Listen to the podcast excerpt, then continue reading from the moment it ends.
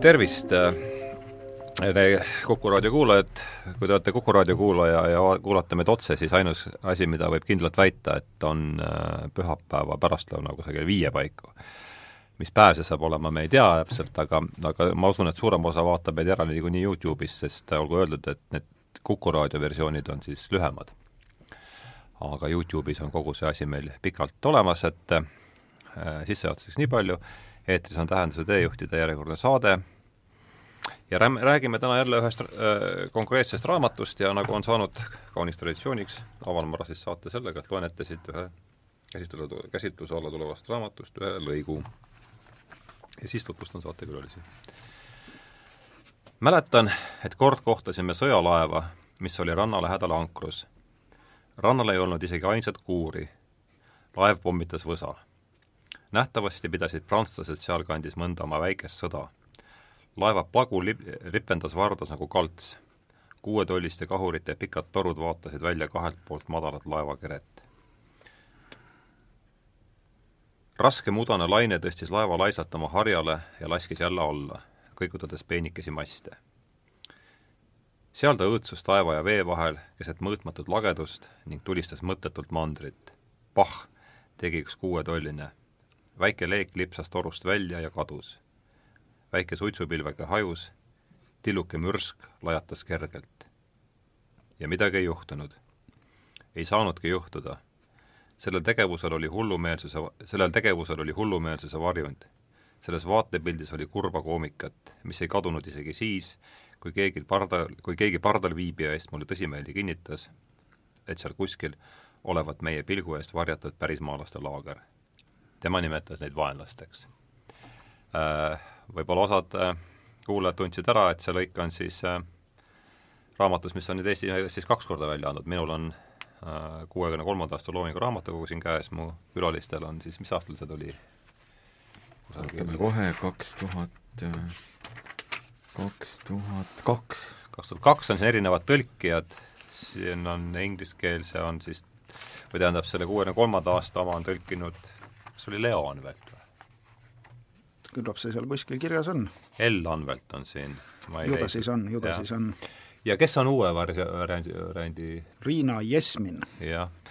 no vot, igatahes raamat on siis Jossef Konradi klassikaline Pimeduse süda, mis mulle tundub, on järjest-järjest aktuaalsem meie tänapäevases maailmas ka. ja nagu ikka, on mul kaks saatekülalist, tere tulemast Sven Kivisildnik ja, ja Leo Kunnas, äh, et vältida neid kahetsusväärseid vigu, mida ma olen teinud siin saatekülaliste tutvustamisel, siis ma palun teil selle raske töö endale ära teha, et rääkige paari sõnaga endast, et kas, kust olete, kas te tulete ja alustame Leost võib-olla. noh, ma olen praeguseks hetkeks juba erukolonelleitnant, sest olen teenistusest ära olnud nüüd juba üksteist aastat. praegu tegutsen vabakutselise kirjanikuna olen siis teinud kümme erinevat raamatut, realistlikke ulmeraamatuid, paar artiklikogumikku ja siis olen ka filmi Tuhat üheksasada nelikümmend neli stsenarist, et et võib-olla sellega piirduks mina olen Kivisildnik, ma tulen Pärnust, ma olen samasugune õnnetu vabakutseline kirjanik, aga minu õnnetus on suurem, ma olen kirjutanud kolmkümmend raamatut ja lisaks sellele kirjastanud veel viis korda nii palju kuskil, no kes neid loeb, noh, arvu ei oska öelda, sada viiskümmend, ma arvan, ja ma olen edukas luuleprodutsent, eile ma sain just rõõmustava uudise, et üks minu talli autor, Raul Majas, samuti Pärnust, võitis Eesti Poetry Slamil kolmanda koha ja samas oli kõige paremate tekstidega ja kõige parema esinemisega autor, tal oli lihtsalt vähe sõpru seal plaksutamas, hindeid andmas. nii et äh, läbimurre, järjekordne läbimurre ja sellega ma siis lõpetaksin, ma tavaliselt lisan küll, et ma olen ka kahekordne maailmameister. aga siis kipub jutt spordi peale, ma ei taha spordist rääkida. kogu see raamat on spordist, nii et me jõuame sellest rääkida pikalt, et et kui kellelgi tekkis küsimus, et mis asi on Poetry Slam, siis kuulake meie saadet, kus, mis selle, ma ei tea, millal need eetrised eetrisse jõuavad, aga kus oli siis Kivisildik koos Jürgen Roostega, seal tuli see Poetry Slami teema jutuks. nii, me räägime siis täna Joosep Konradi Pimeduse südamest ja hakkaks võib-olla siis sellest ah,, ma ütlen kohe ära, et hoolimata kõigest mu pingutustest, mitmeid palle on korraga õhus, et mina ei jõudnud kahjuks raamatut uuesti läbi lugeda, ma olen seda küll lugenud mitu korda, aga, aga selleks saateks uuesti ma ta läbi lugeda ei jõudnud. algust natuke täna äh,, algust äh, ja, ja ma ei jõudnud isegi läbi luge-, vaadata seda Coppola filmi päriselt, aga vähe poole peale jõudsin ja, ja sain nagu maitse suhu, et äh, et vaatasime ja imestasime koos, et kuidas see on võimalik, et see on seitsmekümne üheksanda aasta film, et see oleks täpselt nagu kogu see tehnika ja kõik see et võib-olla kui ma selle alguses oli küll teine plaan, aga, aga see Coppola film tuli juba sisse, et räägime, hakkame võib-olla hoopis selle nurga alt tegelikult pihta, et et, et paljud võib-olla jällegi ei, ei tea seda, et et Coppola on siis toonud, Francis Coppola on toonud Pimeduse südame Hollywoodi suure filmina hakkame sealt pihta tegelikult ja siis liigume, liigume Konradi juurde. tegelikult ma võin ise öelda, et ma selle raamatuni jõudsin tegelikult filmi kaudu. Et filmi ma esimest korda nägin siis, kui ma olin Soomes sõjakoolis, vaatasime järjest kõiki nagu teadaolevaid eh, sõjafilme, et siis oli nagu videomakid üheksakümnendate aastate alguses oli nagu suur asi, et et, et siis ma nägin seda nagu lühemat versiooni sellest filmist. ja muidugi nüüd olen paar korda vaadanud ka pikemat ja see pikem muidugi on, on nagu tõeliselt see on see mingi kolmetunnine, eks? jaa, see, see on nagu tõeliselt meie ka vaatasime vist. tõeliselt muljetavaldav. et mis siin nagu ühist on võib-olla raamatul ja filmil, ongi, alust-, algame nagu peategelase nimest, ehk siis Kurts raamatus ja Goetz ameerikapäraselt nagu, nagu filmis, kes siis ühel juhul on, on lihtsalt sellise jõeaur-, jõelaeva või auriku kapten ja teisel juhul on Ameerika kolonel, kes siis mõlemad džunglis, ühel juhul Belgia Kongos tuhande kaheksasaja üheksakümnendatel, teisel juhul Kambodža džunglis tuhande üheksasaja kuuekümnendatel, et kõike, mis nad näevad, kogu seda absurdi, mille sees nad elavad ja kuidas nad äh, lähevad hulluks ja kuidas, kuidas see nagu õudus. noh, raske isegi öelda, et kust otsast see täpselt nagu tuleb, et kuidas see õudus siis saab nii-öelda neist jagu. et, et, et, et see see nii, nii raamatus kui filmis väga muljetavaldavalt tegelikult kujutatud, et võib-olla sellise nagu sissejuhatusena, et millest üldse jutt on. Sven? Mina küll äh, ikkagi lugesin enne raamatut, seda Loomingu raamatukogu versiooni, mina olin Loomingu raamatukogu fänn juba kooliajast peale ja noh, tõesti, sealt on väga palju häid Kafkat, Camus'd, Bulgakovit, värgid, et seal oli tõesti väga palju head kirjandust oma, oma aja kohta. Aga, aga kui filmist rääkida, siis äh, ütleme, et äh, ega kogu see film ei ole ju sinna filmi mahtunud, sellel filmil Coppola filmis miljon jalga filmilinti vähemalt kaks tema monteerijat, noh ma ei oska öelda, kas nad läksid hulluks, nagu see Kööts või Kurts, aga igal juhul nende aju ei olnud pärast seda enam töövõimeline, minu meelest, minu meelest, ma ei, ma ei ole ekspert ja ma noh, need noh, see trivia lugemine on selline silmanurgast, et ma lasen jälle, kui ma kuskilt ja, midagi ja. näen, Coppola ja film, see film mulle väga meeldib, ma loen üle, aga noh, kas neid oli nüüd kolm või kaks või neli, et noh, no igal juhul palju inimesed, et see, selle filmi tegemiseks kanti ohvreid ikka, ikka päris korralikult, see ei tulnud niisama, nagu see peeglistseen. see ei olnud eh, skriptis ega kuskil, see juhtus. aa, seal alguses, kui ja, ta lööb peeglisse, eks? ja, ja kus see. Eh, noh, see, kes läheb see Martin Sheen oli see jah, see, selle kuulsa Sheeni isa et hea, hea perekond algusest peale, et see juhtus aga Koppol otsustas, et kui see juba juhtus, et see on noh, nagu nii hästi sobib tema selle plaaniga. oota, ta lõi peeglisse? ta lõi peeglisse läks... kogemata ja lõi oma käe korralikult Aa. puruks, voodi oli ju verine seal ja kõik ja see, see vist oli päris. see vist oli päris, ma ei tea, kas nad panid sinna värvi juurde, ma ei tea, aga see juhtum juhtus, see oli õnnetus ja Koppol otsustas, et see juhtus niikuinii et ta ei pane kaameraid kinni, nad teevad selle asja ära ja tegelikult see on väga mõjus. eriti teades seda, et see tegelikult oligi päris veri, see oli päris peegel ja see oli päris trauma seal, et see oli ikka päris korralik laks et selliseid asju seal noh, filmis juhtus väga palju nagu selle tegemisega, noh, see oli, see oli, noh, see on omaette pikk lugu, ma hakkan, hakka sellel, et kellel on huvi, võiks tõesti nagu seda, seda filmi see vaadata koos lisadega, kommentaaridega, näiteks see, see alguses ette loetud tsitaat. sa võid tal on plaadi peal see, jah? jah, jah, no ma arvan, et neid võib olla väga palju eriväljaandeid, sellise kuulsatest filmidest neid väljaandeid on erinevaid, lisad on erinevad, minul on üks kaheplaadiline Metallkarp mm. -hmm. mina olen fänn, kes on filmi vaadanud noh, kümneid kordi pehmelt öeldes, aga juba ammu. et no hiliselt olen teda mõned korrad ainult üle vaadanud, aga vaatan neid lisasid ja asju ja, ja neid, et näiteks see eh, prantslastest oli juttu seal avatsitaadis, filmis minu meelest ei ole seda ka pikas versioonis sees, on üks päris korralik lõik džunglist, kus nad lähevad ja jõuavad mingisugusesse prantslaste farmi, mingi prantslastest kolonisaatorid elavad nagu täiesti oma mullis seal ümberringi, on näha, et need pikas versioonis on täiesti olemas. seda ma, võib-olla seda ma siis näen. et neid pikki versioone on vist ka veel mitu ja et see prantsuse asi on ka seal nagu noh, tõesti nagu päris huvitav, see, see mulle ei tule üldse meelde. on kaks, et seal on pikk versioon on ikka selles mõttes nagu palju võimsam, et -huh. et seal tulevad kõik need, seal on nii palju nagu sees sellest, mis mis lühikeses on ära jäetud. kusjuures mina lõigat, vaatasin ühte pikemat palju. versiooni ja seal ei olnud seda prantslaste osa sees ja see on seal lisades, et küllap neid variante on ikkagi noh, ka kümneid aga hea fil-, hea film on ta nagu igal juhul, minu meelest on ta tõesti kõige parem sõjafilm, mida oleme näinud ja mulle, mulle meeldib neid vaadata ja, ja sõjaraamatuid lugeda ja ja, ja noh, see on ikka täiesti teine tase, see on täiesti teine tase. see, et kuidas see seitse, seal on mitte mingit viidet, et see võiks seitsmekümne üheksandal aastal olla, et tavaliselt selles,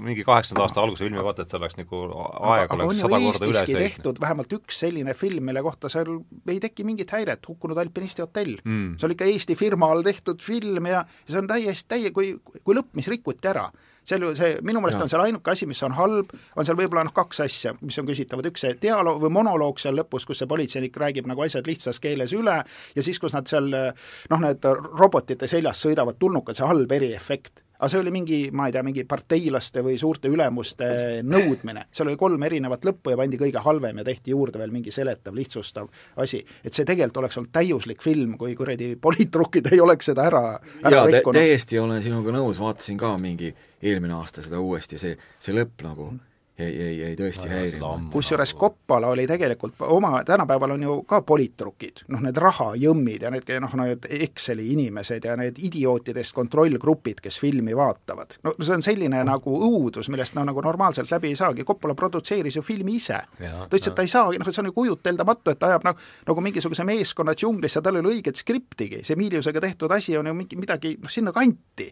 ega, ega ta ei teinud noh, päris selle noh, ta ei saanud ju skripti panna igasuguseid peeglisse löömis ja mida seal juhtus veel, mida kõike.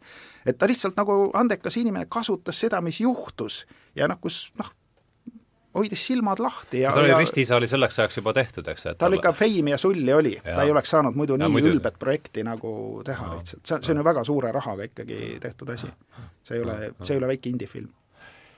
jaa, aga, aga ma ei tea, võib-olla ma arvan, et ei ole üldse paha mõte, ega siis jällegi me ei saa eeldada, et kõik inimesed tahaks seda raamatut lugeda, et võib-olla räägime üldse, mis seal siis toimub tegelikult? võtame jälle, katsu sa, mis toimub raamatus ja mis toimub filmis? raamatus me elame Belgia Kongos tuhande kaheksasaja üheksakümnendatel aastatel, kui, kui see koloonia oli praktiliselt eh, Belgia kuninga eravaldus ja, ja kui räägime üldse nagu nagu sellistest kolonialismi või imperialismi kuritegudest, siis see oli see koht tõesti, kus neid pandi toime ikkagi väga räng, räigel moel. et siin sisuliselt on, on, on selline grupp kauajaamu, kus siis kaubeldatakse, kaubeldakse päris maalastega, siis ostetakse nende käest elevandiluud, siis klaaspärlid, värvilise riide ja vasktraadi eest, noh, räägime nagu otse. ja siis loomulikult seal toimus ka kõike muud, et pärismaalaste näiteks kasutamine tööjõuna, et lihtsalt raiuti džunglit maha, tehti kautšukiistandusi, näiteks levinud karistused olid mingid jäsemete maharaiumised, sellal loomulikult ka Belgia Kongos oli veel inimsööjaid, keda on siin raamatus ka kujutatud, teri-, teritatud hammastega mehed, kes nagu, kes nagu oleksid hea meelega nahka pannud üht-teist, kui oleks saanud, kõik, kõik, kõik, kõik see seal on, on koos, see elu ja, ja mis ma olen kommentaaridest hiljem lugenud, et et tegelikult äh, Konradi raamat äh, mõjutas väga palju seda, et tuhat üheksasada kaheksakümmend lõpetati see nagu erirežiim seal ära ja see koloonia läks nagu Belgia riigi kätte, millega siis saadi vähemalt kõige hullemad nagu asjad seal ära lõpetatud, et kui, kui me räägime nagu valge mehe taagast kui sellisest, et mida noh, need äh, inimesed võib-olla, kes elavad nendes riikides, kus kolonisaatoreid oli ja kus kolonisa-, koloniseeriti, et see ei puuduta meid, sest noh, me ise tegelikult noh, sakslased kui me räägime sellest, mis nad siin tegid, siis, siis tehti nagu sama meiega. et, et see taak tegelikult noh, ehedal kujul äh, seal nagu ongi, et nad, et kui siis oli olemas selline see mõiste nagu Belgia-Kongo, siis noh, praegu kui Kongo-Belgiat võib-olla pole, aga kui on Maroko või Alžeeria-Belgia, noh, sisuliselt see on nagu, nagu otsapidi tulnud teistpidi nagu tagasi, tagasi sinna. et et nii palju võib-olla selline, mis, mis on mulle jäänud see, sellest nagu, nagu pilt või sellest taustast, et mis, mis seal üldse toimub ma tahaksin ühe teksti näite tuua veel, mis mm -hmm. mulle endale väga meeldib, see on suhteliselt äh,, suhteliselt algusest ja seletab siis lugu, kuidas noh, see mina tegelane, kes siin on, eks ole, laevajuht, jõelaeva kapten, aga seal äh, filmis on siis ütleme, sõjaväelane, siin on see, see peategelane, laevamees siis äh, kirjeldab olukorda, mis viis selleni, et ta sai töö. õnnetus oligi küla tabanud rahvas oli kadunud, pöörane hirm oli nad mööda tihnikut laiali puistanud, mehed, naised ja lapsed. Nad ei naasnud iial. mis kanadest sai, ma ei tea. arvatavasti, arvatavasti langesid nad siiski võitluses progressi eest.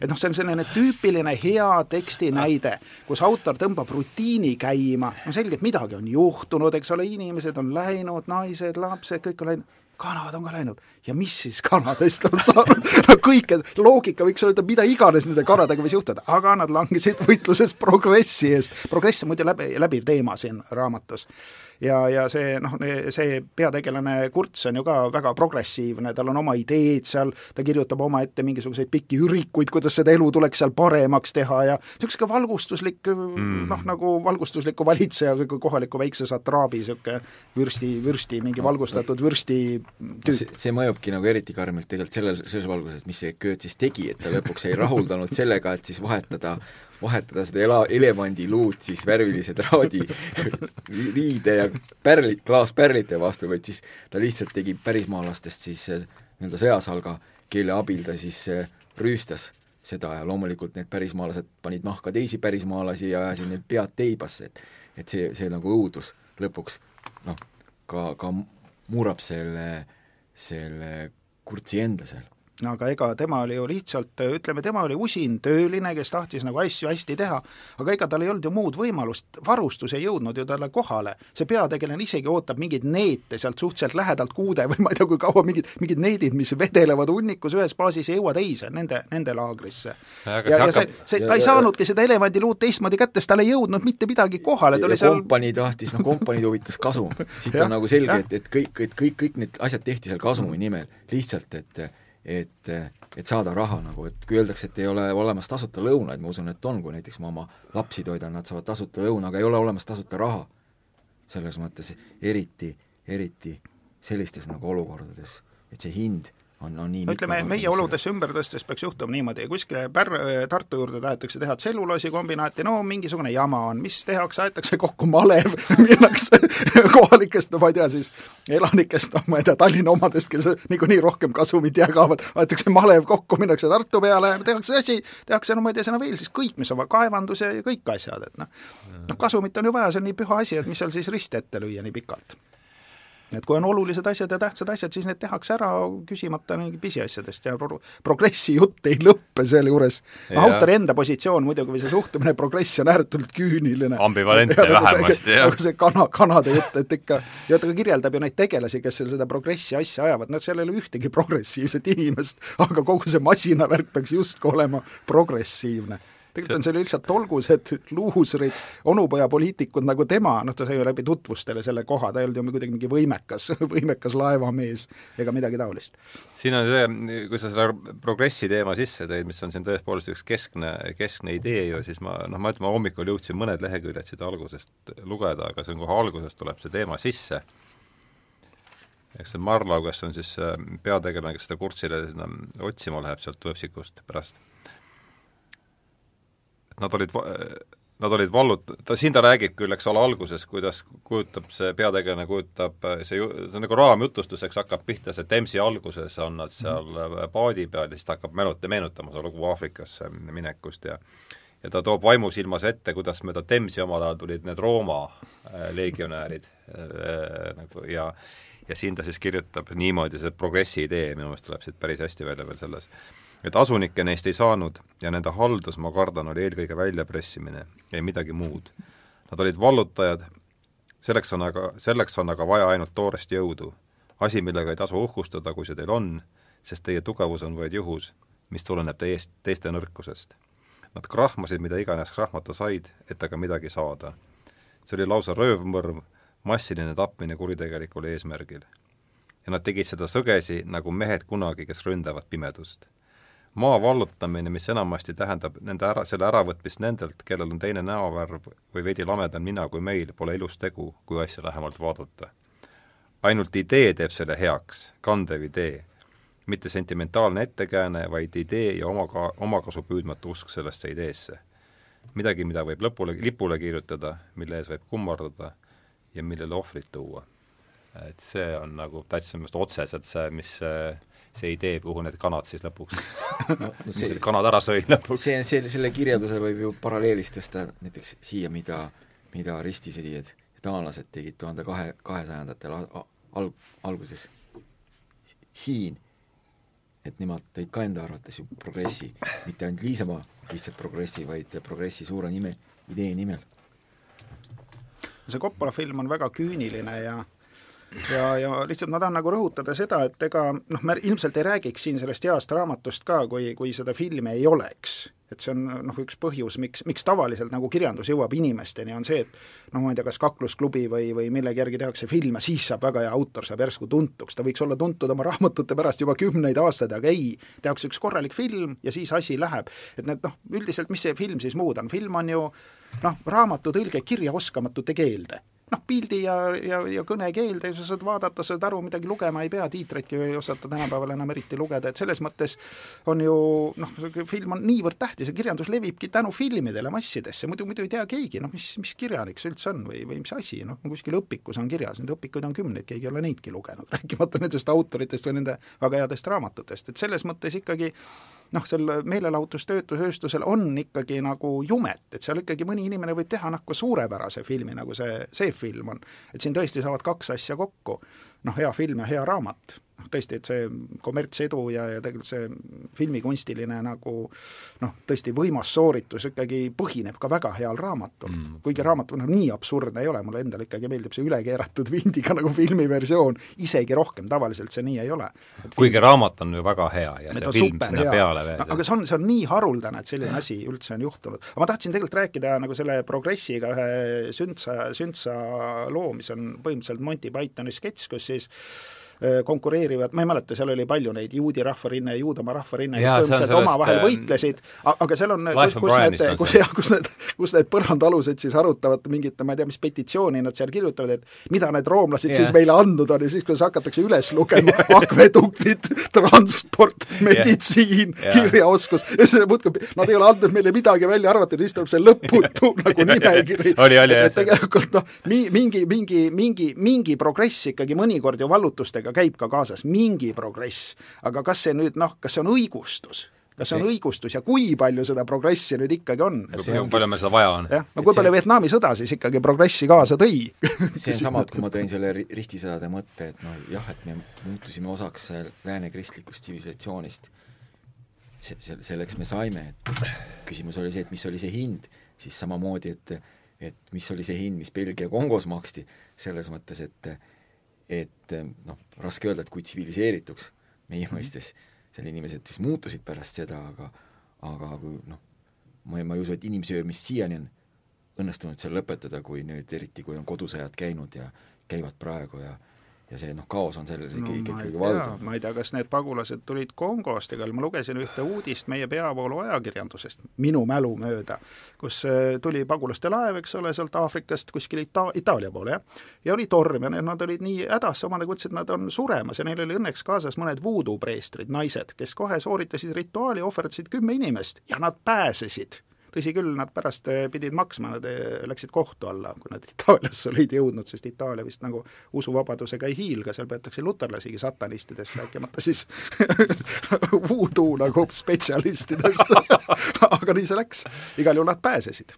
et see hind, hind on hind, igal asjal on hind, ega siis tasuta lõunaid me teame, ei ole merehädas ega kuskil mujal no seesama, seesama progressi idee, et, et see, mis mulle väga meeldib, ma olen võtnud selle Tõnu Õnnepalu, ma ei mäleta, kas, mis essees see oli, aga just, et see mm, ta arutleb siis niimoodi, et noh, see kolonialismi teema juba siiamaani käib läbi, et see on üks keskse, keskseid asju selleks, et et ära on tüüdanud see antikolonialistlik ennast alandav vingumine. koloniaalajastu oli üks inimkonna suuri seiklusi. kuidas me muidu oleksime saanud üksteist tundma õppida? Ma arvan, et see ongi see, et no ühel hetkel no me pidime sakslastega kuidagi tuttavaks saama, noh.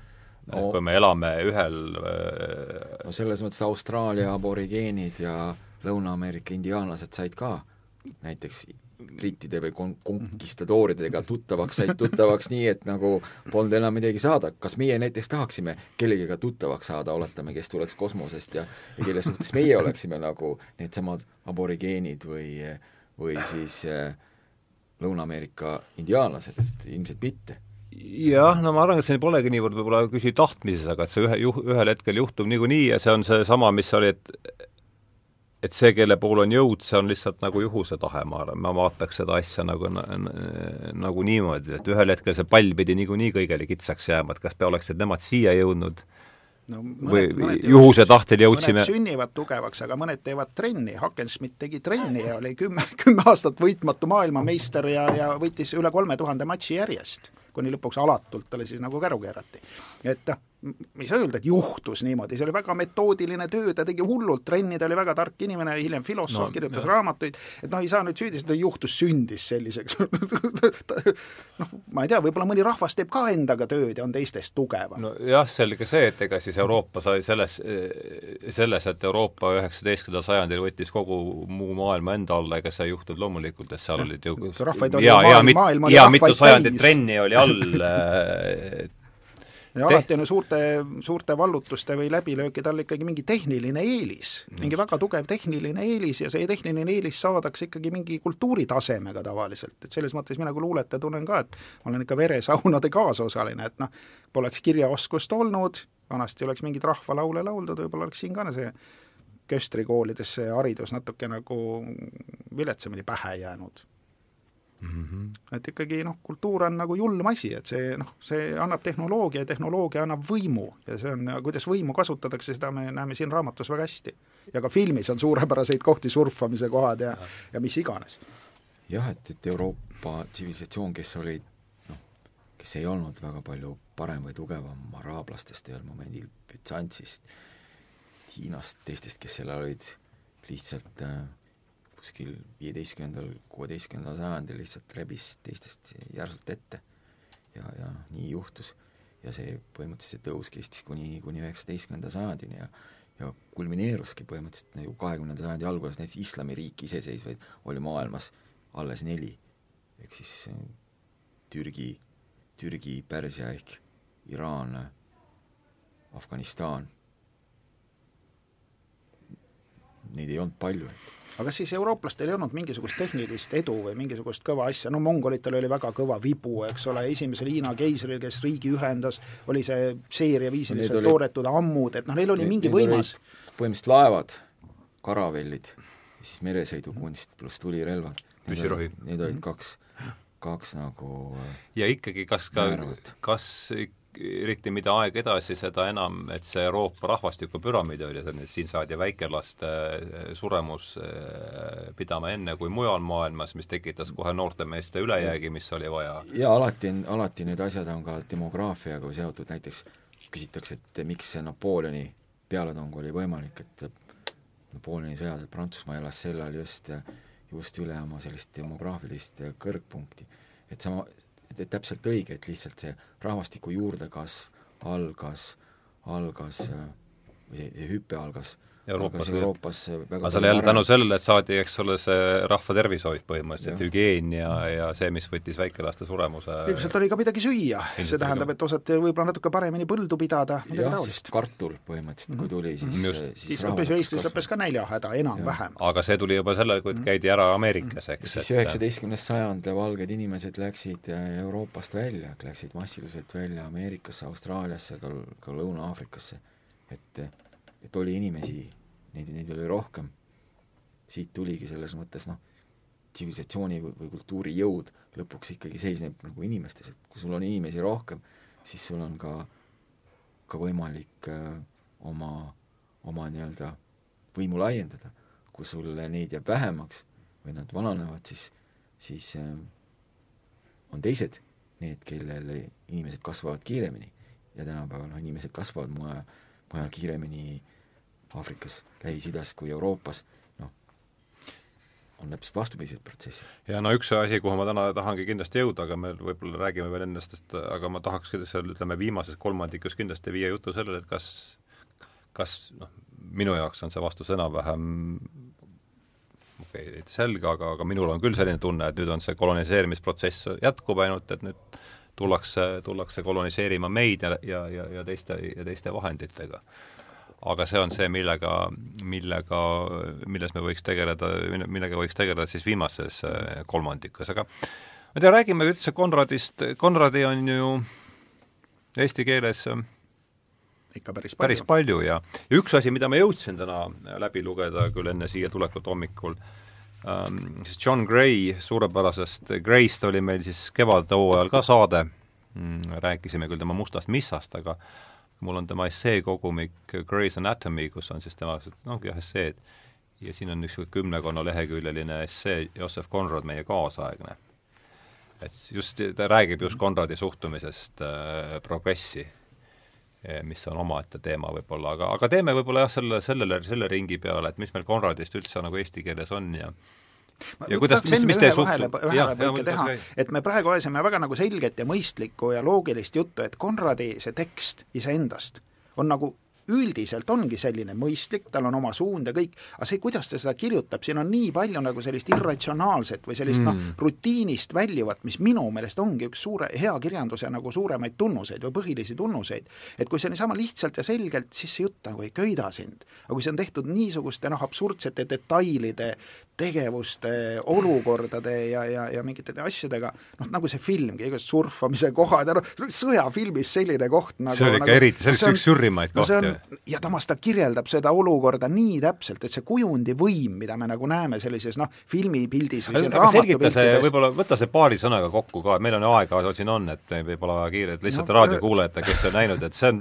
see on päris hea ja siis mul on järgmine küsimus sellega seoses ühesõnaga, see episood algab sellega, kuidas ühesõnaga, olukord on siis selle uuesti, saadetakse üks eriüksuse grupp tapma hulluks läinud sõjapealikku, endist Ameerika väga heast perekonnast, väga kõrge haridusega, väga head meest, kes on teinud oma armee, tapnud, ma ei tea, seal enne juba mingeid tüüpe maha ja umbes mingi kohutav verine omavoli on teda saadetud enne mõrvareid tapma, need kas ei ole tagasi tulnud või on jäänud tema mingiteks noh, teda kummardatakse kui jumalat seal džunglis, ta elabki templis, mingid pärismaalased löövad trummi, ohverdavad loomi, seal käib tohutu selline laulupidu nagu põhimõtteliselt niisugune lõpp lõppkokkuvõte verine laulupidu päeval tapetakse inimesi, õhtul loomi ja siis tema kiilas pea ja mingi niisuguse asjaga peab seal oma tarku kõnesid seal kuskil tempi, tempi trepil. no selline võimas, võimas pilt üldiselt. No ja siis ühesõnaga mingis etapis noh, on vaja see paat viia sinna jõe peale, et noh, saada, ja selleks on neil vaja ratsaväe abi, ratsavägi, need helikopterid siis Ameerika mõttes, neil on vaja selle õhujõududega või selle helikopteri mingisuguse üksusega koostööd teha, eks ole, minu meelest.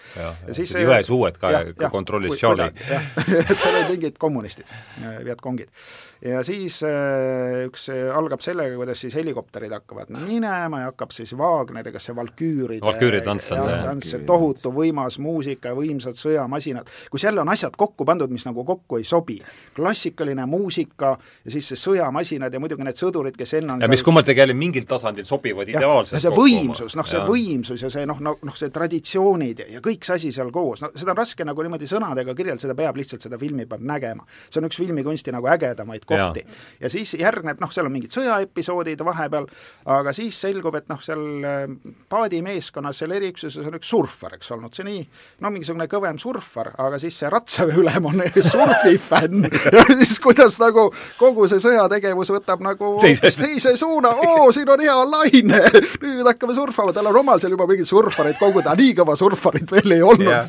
ja siis noh, siis läheb see kõikide noh, see on nagu täielik absurd. Ja, ja siis sa saad nagu aru, noh, ma ei tea, mina nagu sain aru, mis asi on noh, nagu kuidas see sõda nagu on või noh, ma ei tea, ma ei ole päris sõjas käinud, ma olen noh, neid arvutilahinguid pidanud päevade kaupa aga, aga, aga siis on see, aga, aga sellest filmist ma saan paremini aru, mis asi nagu sõda on. jaa, see just, jah. aga ma tahtsingi mm, Leo käest küsida, et sa oled ju erinevalt meist kahest, oled sina näinud reaalset sõda? oled sa käinud ju missioonidel? jah, et kui ma selle filmi et kas sul, kas on midagigi, ütleme selle, sellega, mis on seal nüüd selles äh, surfi episoodist, oskad sa midagigi tuua oma, et kus niisugune mi-, noh igasuguseid absurdseid situatsioone satub ikka.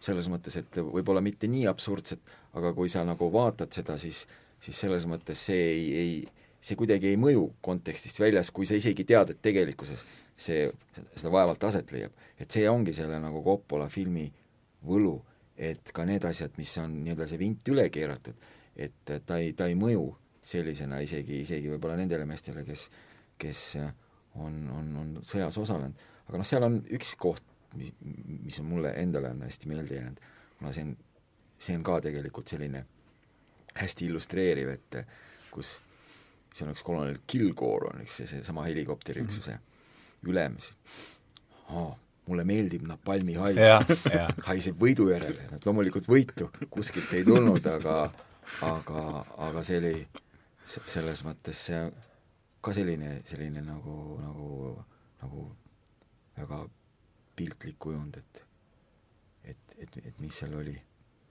sa võib-olla selgita meile seda, see, see sõna napalm ei pruugi ka meile kõigile siin kuulajatele, mis, mis materjal see üldse on ja milleks seda kasutati ja no, napalmi kasutatakse siiamaani, aga Vietnami sõjas seda kasutati eriti palju. ta on siis põhimõtteliselt selline süütesegu, mille, mille üks komponent on noh, põhikomponent on bensiin, mille peale see on nagu ehitatud ja siis sinna lisatud erinevaid aineid niiviisi, et et kui see põleb, siis seda ei ole võimalik nagu tavaliste vahenditega kustutada. ehk siis seda ei ole, ei saa veega vett visata peale, see läheb hullemini põlema ja seda on raske ka, ka põhimõtteliselt, kui noh, täielik hapniku juurdepääs tuleb nagu täielikult tõkestada, et siis saab selle nagu, nagu pidama ja siis kui ta läheb nagu noh, riiete peal, siis riided lähevad põlema või, või keha peale, sisuliselt nagu koed lähevad põlema ja, ja sa ei saa nagu seda, seda kustutada korralikult, et et see on siis selline, selline vahend. no kuidas napalm lõhnab? mina ei tea. napalm lõhnab, no napalm, seda tegelikult ei ole raske valmistada, et seda saab ka nagu, nagu ise selles mõttes nagu, nagu teha.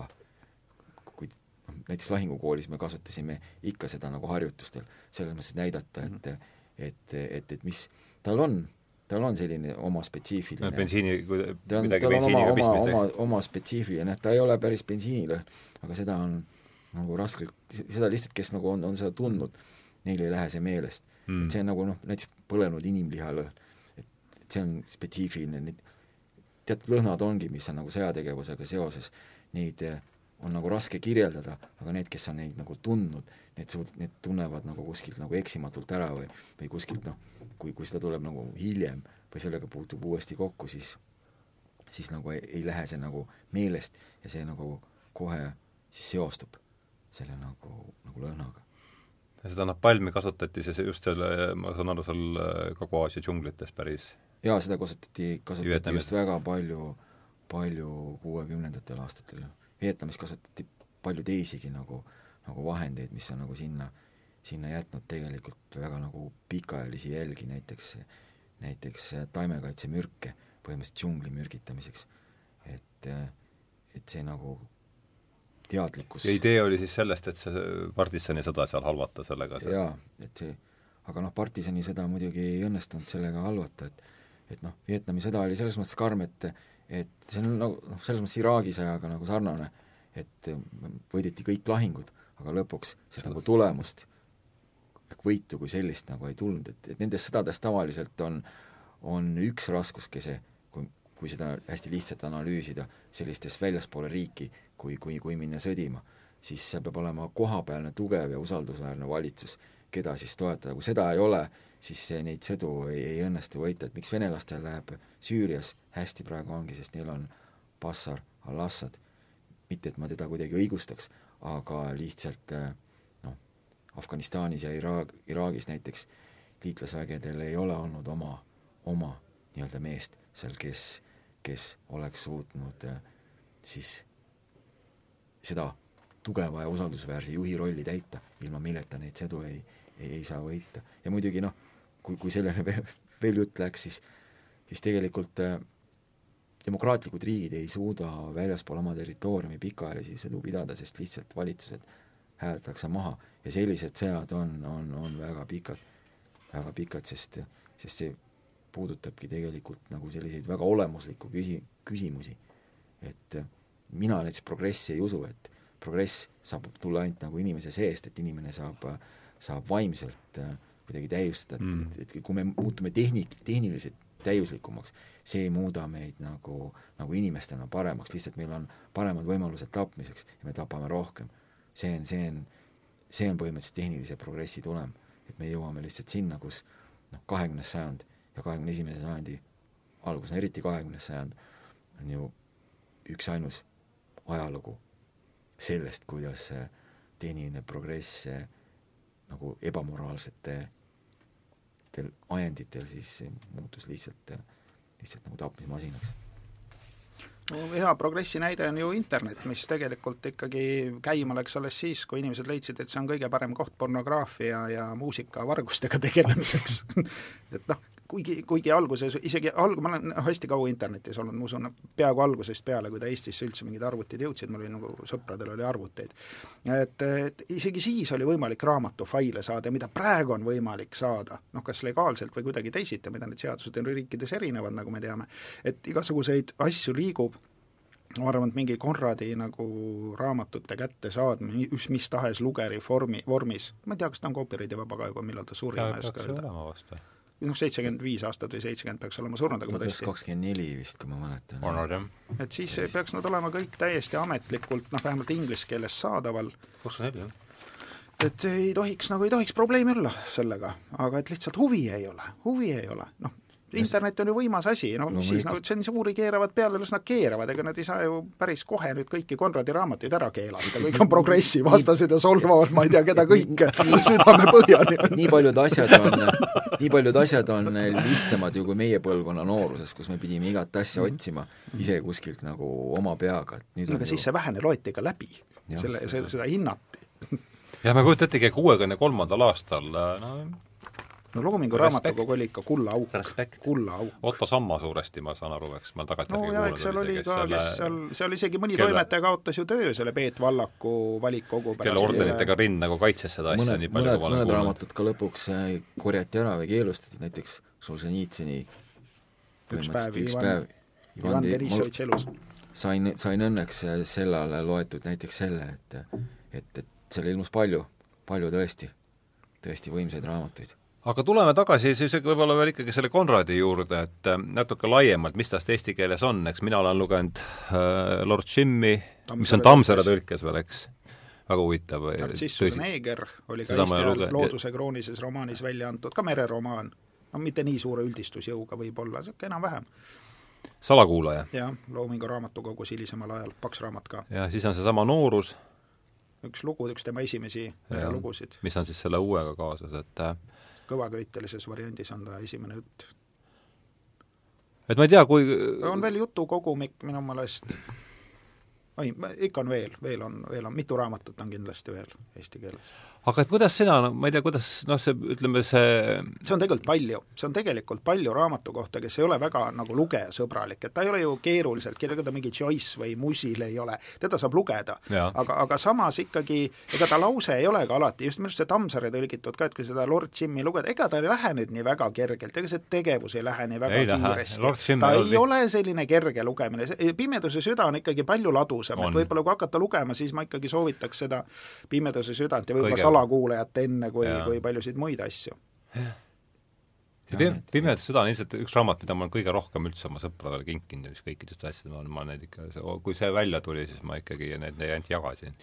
mul oli täitsa huvitav juhus täna, et mul tuli üks Soome kolonel, kes on mu sõber, külla, tal on siin Kaitseliidus natuke loenguid ja teeme muid asju ja siis ma mainisin, et mida ma olen nüüd tegemas, ta mm, -hmm. ja ta lihtsalt ütles, et oo, tuleb Konrad, see on ka tema lemmikkirjanik, et ei ole kunagi nagu varem olnud sellest juttu, see oli nagu mm. lihtsalt, lihtsalt selline nagu kokkusattumus, et noh, et aga mingile inimtüübile ta ikkagi läheb äh, väga korda, mulle, mulle, mulle tundub ja aga mis, aga miks sa ta ikkagi on selles mõttes õige klassika, et ta ei aegu, ta ei aegu, see ongi klassika. no Gray ütleb, et ta, et -hmm. nüüd tuleb Konradi aeg tagasi, et kui meil oli see ütleme, no las ta siis läheb, see jutt, nagu ta läheb, et ärme püüa teda kramplikult mingis sellises äh, sängis hoida.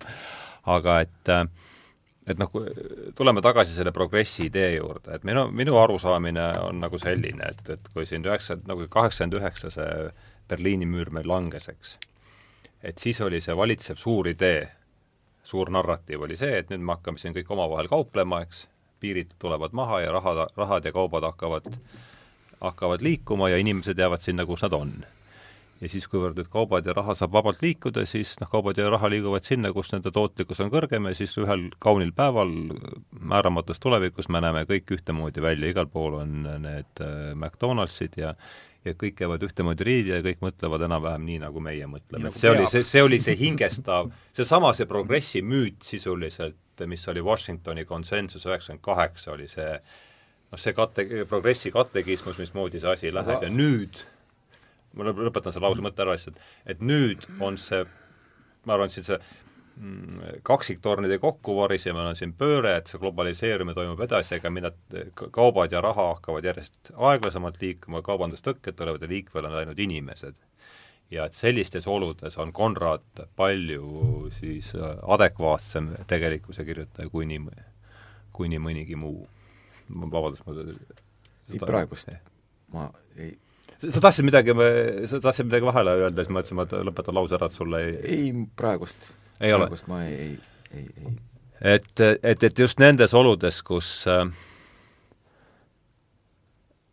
et kus meil on ikkagi niisugune ressursi, me teame, et Jeemenis lõpeb joogivesi ära, eks, ei ole võimalik, et terve pealinn jääb lihtsalt rahulikult, seal hakkavad inimesed seal üksteise leplikult välja surema, kui vesi saab otsa, et et nendes oludes, kus meil tekib noh, ütleme niisugune terav võistlus, terav võitlus äh, loodusvarade pärast ja, ja, ja et selles, seal on hops, Gray ütleb jah, mis seal, seal, seal on, seal on äh, hops ja, ja Konrad palju usaldusväärsemad teejuhid kui ma ei tea, keda ta saab, selle Hayek ja kellest ma pean ka väga lugu, aga Hayek ja nii mõnigi muu, et ma võtsin hiljuti uuesti uuesti ette, lugesin läbi äh, Samuel Huntingtoni tsivilisatsioonide kokkupõrke, sest üheksakümmend, üheksakümmend üheksa ta oli vist eesti keeles, siis ma lugesin teda ja noh, ta oli üks nagu erinevatest teooriatest, mis sellel oli, sellel oli igasuguseid teooriaid kuni pra-, praktiliselt ajaloo lõpuni välja. ja siis, kui, kui, kui mõelda seda, et see on kirjutatud enne kaksiktornide Just. langemist, enne põhimõtteliselt terrorivastast sõda siis äh, tegelikult äh, ta on nagu osutunud mõnevõrra prohvetlikuks, et et maailm tegelikult, noh, maailm loomulikult ongi, ta ongi mul-, multikultuurne, ta on multitsivilisatsiooniline, aga kui need, need, nende tsivilisatsioonide esindajad satuvad nagu kitsas ruumis kokku, siis äh, reeglina järgib konflikt, sest need erinevused on lihtsalt suured ja ta tõi ka välja selle just, et islami piirid on, on verised, et nagu ta ise ütles, et see oli lause, mille pärast teda kõige rohkem kritiseeriti. aga noh, see lihtsalt on nii. see on olnud tuhat kolmsada aastat nii ja, ja ajalugu ei ole selles mõttes, noh, see ei muutu. et, et, et seda raamatut ma soovitaks ka küll seda kõigile, kõigile sa oled lugenud seda Antoni või? ei, tunnistan ausalt, et ei ole. aga see seletab, just ta seletab nagu maailma olemust selles mõttes kuni võib-olla täpselt sellesama hetkeni, millal Lääs hakkas teiste üle domineerima, siis kadus üheksateistkümnes sajand oli, kaheksateistkümnes, üheksateistkümnes oli selline koloniaalsajand ja siis kahekümnes oli erinevate ismide nagu omavaheline võitlus, mis sisust olid nagu oma, nagu tegelikult lääne tsivilisatsiooni produktid mm. -hmm, ja täpselt. nüüd, kui, kui need Sekula, ismid on nii-öelda, ismu, ismid on omavahel nagu võidelnud ja üksteist nagu ammendanud, siis läheb kõik jällegi tagasi sellesse samasse rööpasse, kus oli enne, et seda Gray täpselt et, sama asja ütleb siin selles, Hiina suur tsivilisatsioon, kes on maja, maailma nagu majanduse juhtiv jõud olnud kahe tuhandest aastast umbes tuhat kuussada aastat, lihtsalt võtab nagu oma rolli tagasi ja need inimesed, need riigid, need rahvad, kes, kellel on tsivilisatsioonilist sarnasust, need liituvad omavahel, need, kes on nagu erinevad, need tõukuvad omavahel. ja kuna ressursse on vähe, keskkond halvaneb, siis äh, inimesi tuleb aina juurde. inimesi tuleb juurde, on konfliktid vältimatud. et see, see seletab seda nagu, nagu olemuslikult minu arust äh, hästi, tabavalt ja õigesti. Aga nagu osa seltskond on juba selle, ma arvan, selle jutu peale, kui nad nüüd ei, ei olnud äh, kümme minutit tagasi hingepõhjani solvunud, siis nad on pärast seda, on, on, on igal juhul juba solvunud, et kus ja kust tuleb, noh, see on ka loll küsimus, aga las ma siis küsin ja mis ma siis ikka üritan ennast siin paremat muljet jätta, kust see tuleb, see see, ma ei oska öelda, niisugune meeleheitlik soov tõsiasjadest nagu solvuda. mööda vaadata. ei no solvumine ei, ma arvan, et see solvumine tuleb ikkagi, seal ütleme, see kiht, mis seal all on, et ikkagi tõsiasjadest mööda vaadata ja kui sul seda ei lasta teha, no siis on, ma arvan, see solvumine on, on nagu järgmine. see on sektantlus, inimene on oma pühas tões nii veendunud, et mitte ükski fakt, statistika ega argument ei, ei ole talle tähtis tema, tema teab, et tema on see väljavalitu, üks nendest väljavalitutest, neid on siis erinevalt usust mingi arv võib isegi olla, vot need on kakskümmend neli tuhat, valitakse välja ja lähevad taevasse, teised kõik põlevad põrgus. et ja ongi nii ja sa ei saa temaga mitte midagi rääkida. ja väga palju on sellist noh, vasakpoolset intelligentsi, samasugused, ta räägib sulle mingit juttu, sa hakkad vastu rääkima, siis ta ütleb, see ei ole nii, siis sa tood faktid või statistika, siis ütleb, aga sa oled loll noh, ja siis lõpeb see no, blokeerimisega kuskil suhtluskeskkonnas ja ongi kõik, sest seda ja sõimu me ei kavatse näiteks mina kuulata. räägi, kui sul midagi öelda on. vanas Nõukogude armees oli hea, hea ütlus, et et kuidas nagu vaidlusest öelda, a ja natšalnik tõdurak nagu, et noh, et, et, et tihti, tihti tõesti mm -hmm. seda sündroomi siin nagu natuke tuleb, et sa võid noh, ükskõik mis argumente käia, käia, käia välja mingis vaidluses. ja noh, teine pool, kui sa oled neid lükanud korduvalt ümber, lihtsalt lükanud need ümber.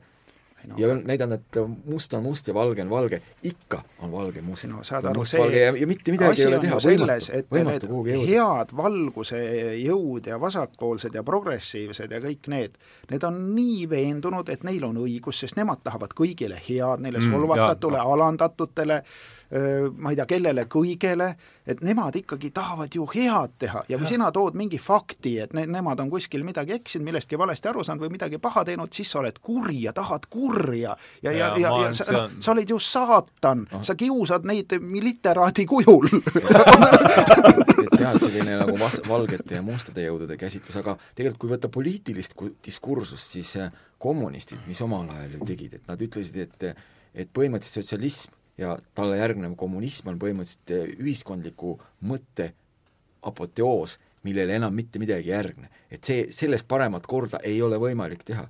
ja noh, mind on tegelikult kurvastanud see, kui, kui selles mõttes need, kui inimesed noh, põhjendavad demokraatia vajalikkust ja püüavad nagu, nagu näidata, et miks demokraatia on hea kal-, kalduvad täpselt sinnasamma, et et sellisel kujul, nagu ta on hetkel, et see ongi juba selles mõttes, et ta ei saagi kuskile areneda, et nüüd ta on jõudnud kuskile nagu lõplikku faasi, et kui me võtame tegelikult noh, hakkame vaatama, et kus siis demokraatia tekkis, et esindusdemokraatia miks tekkis, et lihtsalt noh, ei saanud, inimesi sai nii palju, et et Ateena agorad või Novgorodi veetšeid ei saanud ühel hetkel enam korra, korraldada. et kuidas see arenes, et alguses said, said valged mehed hääleõiguse siis said, või valged rikkad mehed said hääleõiguse, siis said valged vaesed mehed hääleõiguse, siis hakkasid saama naised hääleõigust, siis hakkasid saama värvilised hääle, hääle, nii see nagu, nagu laienes ja see on kogu aeg arenenud, arenenud ja arenenud. nüüd, kui meil on infotehnoloogilised võimalused, tegelikult meil on võimalus jälle tagasi minna sinna ju-, selle juurde, et et, et rohkem otsedemokraatiat kasutada, aga noh, selline vastuväide on see, et aga rahvas on loll, et rahvast ei saa usaldada, et nagu, nagu parafraseerides Pätsi, et rahvas on haige. et, et, et siin tekib nagu selline nagu kummaline nagu vastuolu või konst-. ei no rahvale saab igasuguseid asju usaldada, tööle ma... saab teda usaldada, makse maksma saab usaldada, kui ta tahab viieaastaselt või kaheteistaastaselt sugu vahetada, saab usaldada, aga vot valida ei saa vot seda enam ei saa.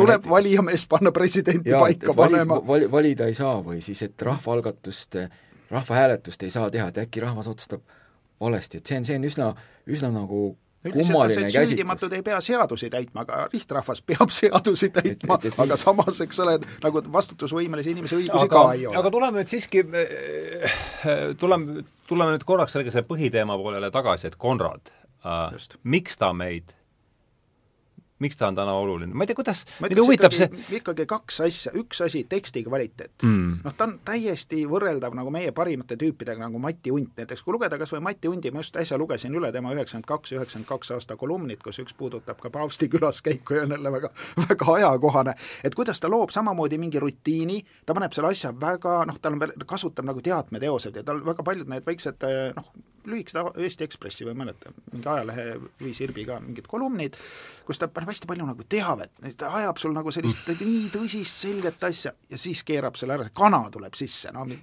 nagu Konradile, et noh, kõik on õige, selge, täiesti vaieldamatud faktid noh, kas või näiteks võtta Undise Vaimude tund Janseni tänaval, see algab ju ajalooga. noh, kuidas on noh, see Pärnus, see Janseni tänav, millal ta osteti mingilt mõisalt, millal tuli sinna see noh, see asi, teine asi, millal Jansen ostis maja, ma ei tea, mingid arvud, faktid, ja siis läheb käest ära. saad aru, et noh, see Konradil on ka see asi, et see noh, nagu see demagoogias nimetatakse vahevagunist, eks ole, et sellised ilmselged lihtsad asjad, mida kõik usuvad, teavad, siis keertakse, noh, kas ära pannakse oma mingi vale sinna vahele, no ei ole demokraatiast paremat asja, eks ole, oleks kaks korda kaks on neli, on lehmal on neli jalga, on, no näed, demokraatia ongi kõige parem asi, mis on välja mõeldud, aga sama asja võib öelda ka see, et noh, aga kas pedofiiliast on midagi paremat välja mõeldud, noh.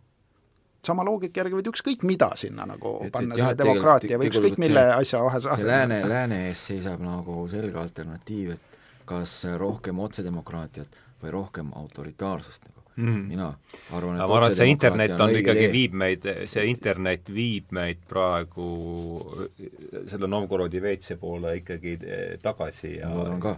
ja ma, ma rahustan teid maha, internet on kontrolli all, ma sain just kolmekümnepäevase ploki Hašeki tsiteerimise eest. ma toetasin valitsuse poliitikat, vaata meil on Euroopa Liit ja seal eh, kotitakse mingeid ungarlasi. no mingid sanktsioonid on vaja ungarlasi kottida.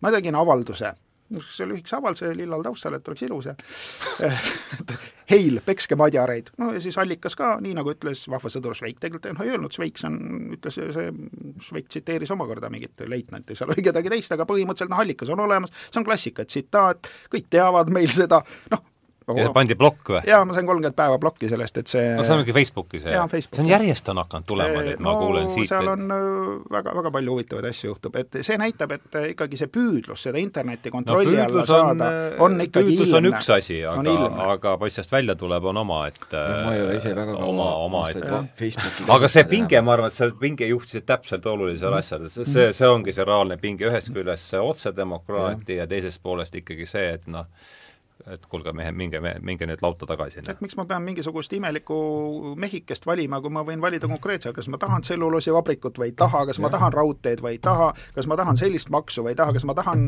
Lätist käia alkoholi ostmas või ei taha, noh. karm ongi see, et tegelikult te-, te-, tehnoloogia, tehnika seda võimaldab, et et noh, ma olen ise olnud näiteks e-valimiste vastane puhtalt selle tõttu, et, et ma tean, et salajast, salajasi e-vali-, valimisi või salajast hääletust turvaliselt, ei ole võimalik teha, aga mitte salajast. olgu siis avalik, ma tahan näha, kuhu mu hääl liigub, pange talle lipik külge aga ma... mittesalajane on, on, on täiesti turvaline, selles mõttes, kuhu pank on, mhm. kontrollib minu identiteeti, et mul oli selline juhus, kus ükskord mu identiteet varastati Indoneesias, keegi võttis raha minu nimel nagu, siis ma suutsin väga lihtsalt näidata, et mina ei ole samal ajal Indoneesias viibinud, sest ma olen siit Stockholmist kaubamajast mujalt ostnud samal ajal ja pank kompenseeris mulle selle, sest noh, see oli loogiline, et minu identiteet oli väga selgelt tõestatav mm. -hmm. et, et, et tehnilised võimalused tegelikult on nagu väga suured, aga siin ongi küsimus, et mis sellega nagu turvaliselt saab teha ja mida ei saa et, et, et see, see, see on nagu tõsine küsimus okay.. korraks lihtsalt Konradi juurde tagasi. jaa, ma tahaks Konradi juurde tagasi tulla, siis võib-olla see viimases kolmandikus tulla selle kaks, kaks asja, mis nagu, nagu on suurele kirjanikule nagu iseloomulikud, noh, see väga hea käekiri, tal on isikupärane käekiri, ta on niisugune omamoodi äh, ta on piisavalt hull, ta ei ole niisugune tavaline kommunaalne, läksin sinna, tulin sealt, noh mitte midagi ei juhtu erilist, mitte midagi ei ole vaimustavat, midagi ei ole sellist, mis vaatad suu lahti, kas sellist asja saab olla nagu see noh, kana koht siin, ma tulen ikka selle kana juurde tagasi, sest see on nagu, me ei jõua kogu raamatust kõiki neid häid kohti ette lugeda, aga neid on siin päris palju, ta on selles mõttes võrreldav nagu Sauteri proosaga, kes noh, räägib oma elust, aga siis paneb jälle kala sisse või kana sisse ja, ja hoiab selle teksti pinges, nagu Mati Untki samamoodi või Eelvest et meil on selliseid autoreid olemas ja, ja no ma räägin proosa autorist, luulete niikuinii lugema ei hakka. sellest oleme juba eelmine kord rääkinud. aga, aga, aga teine asi veel, et üks asi, see tehnika on tal suurepärane. ja teiseks, et ta näeb nagu elu ja saab sellest aru see on nagu, et ega alati see kirjatehnika, kui, kui ta ei ütle midagi, siis, siis see tehnika läheb ju tuh-, kah-, noh, kaduma, sellest ei ole mingit kasu. aga kui tal on konkreetne maailmavaade, see maailmavaade, nagu me nüüd näeme, on ajaproovile vastu pidanud umbes, ma ei tea, neli-viis inimpõlve, tagasi on ta oma asjad teinud, need on praegu täpselt nagu oleks eile või homme kirjutatud, ja nad on kirjutatud nii, nagu enamus meie kirjanikke ja kõige paremaid ei suuda seda teha, noh, paremad ehk ja, ja paremad suudavadki paar tükki, no mida sa ühelt inimeselt veel tahad saada, see on inimvõimete piir kusjuures ta oli ju, ta oli ju poolakas, kes hakkas kirjutama, ta, mis ta see inglise keele õppis kuskil a la kolmekümnendatel, kuskil sealkandis. mis räägib veel Poola kirjanduse heaks, kui te näete Poola nime ja, ja punase no, ja valge kaanega, siis võite Coppola tegi väga lihtsalt kuuekümne aastase ajanihke mm, -hmm. nüüd on veel aastakümneid läinud, noh, samamoodi, kõik klapib.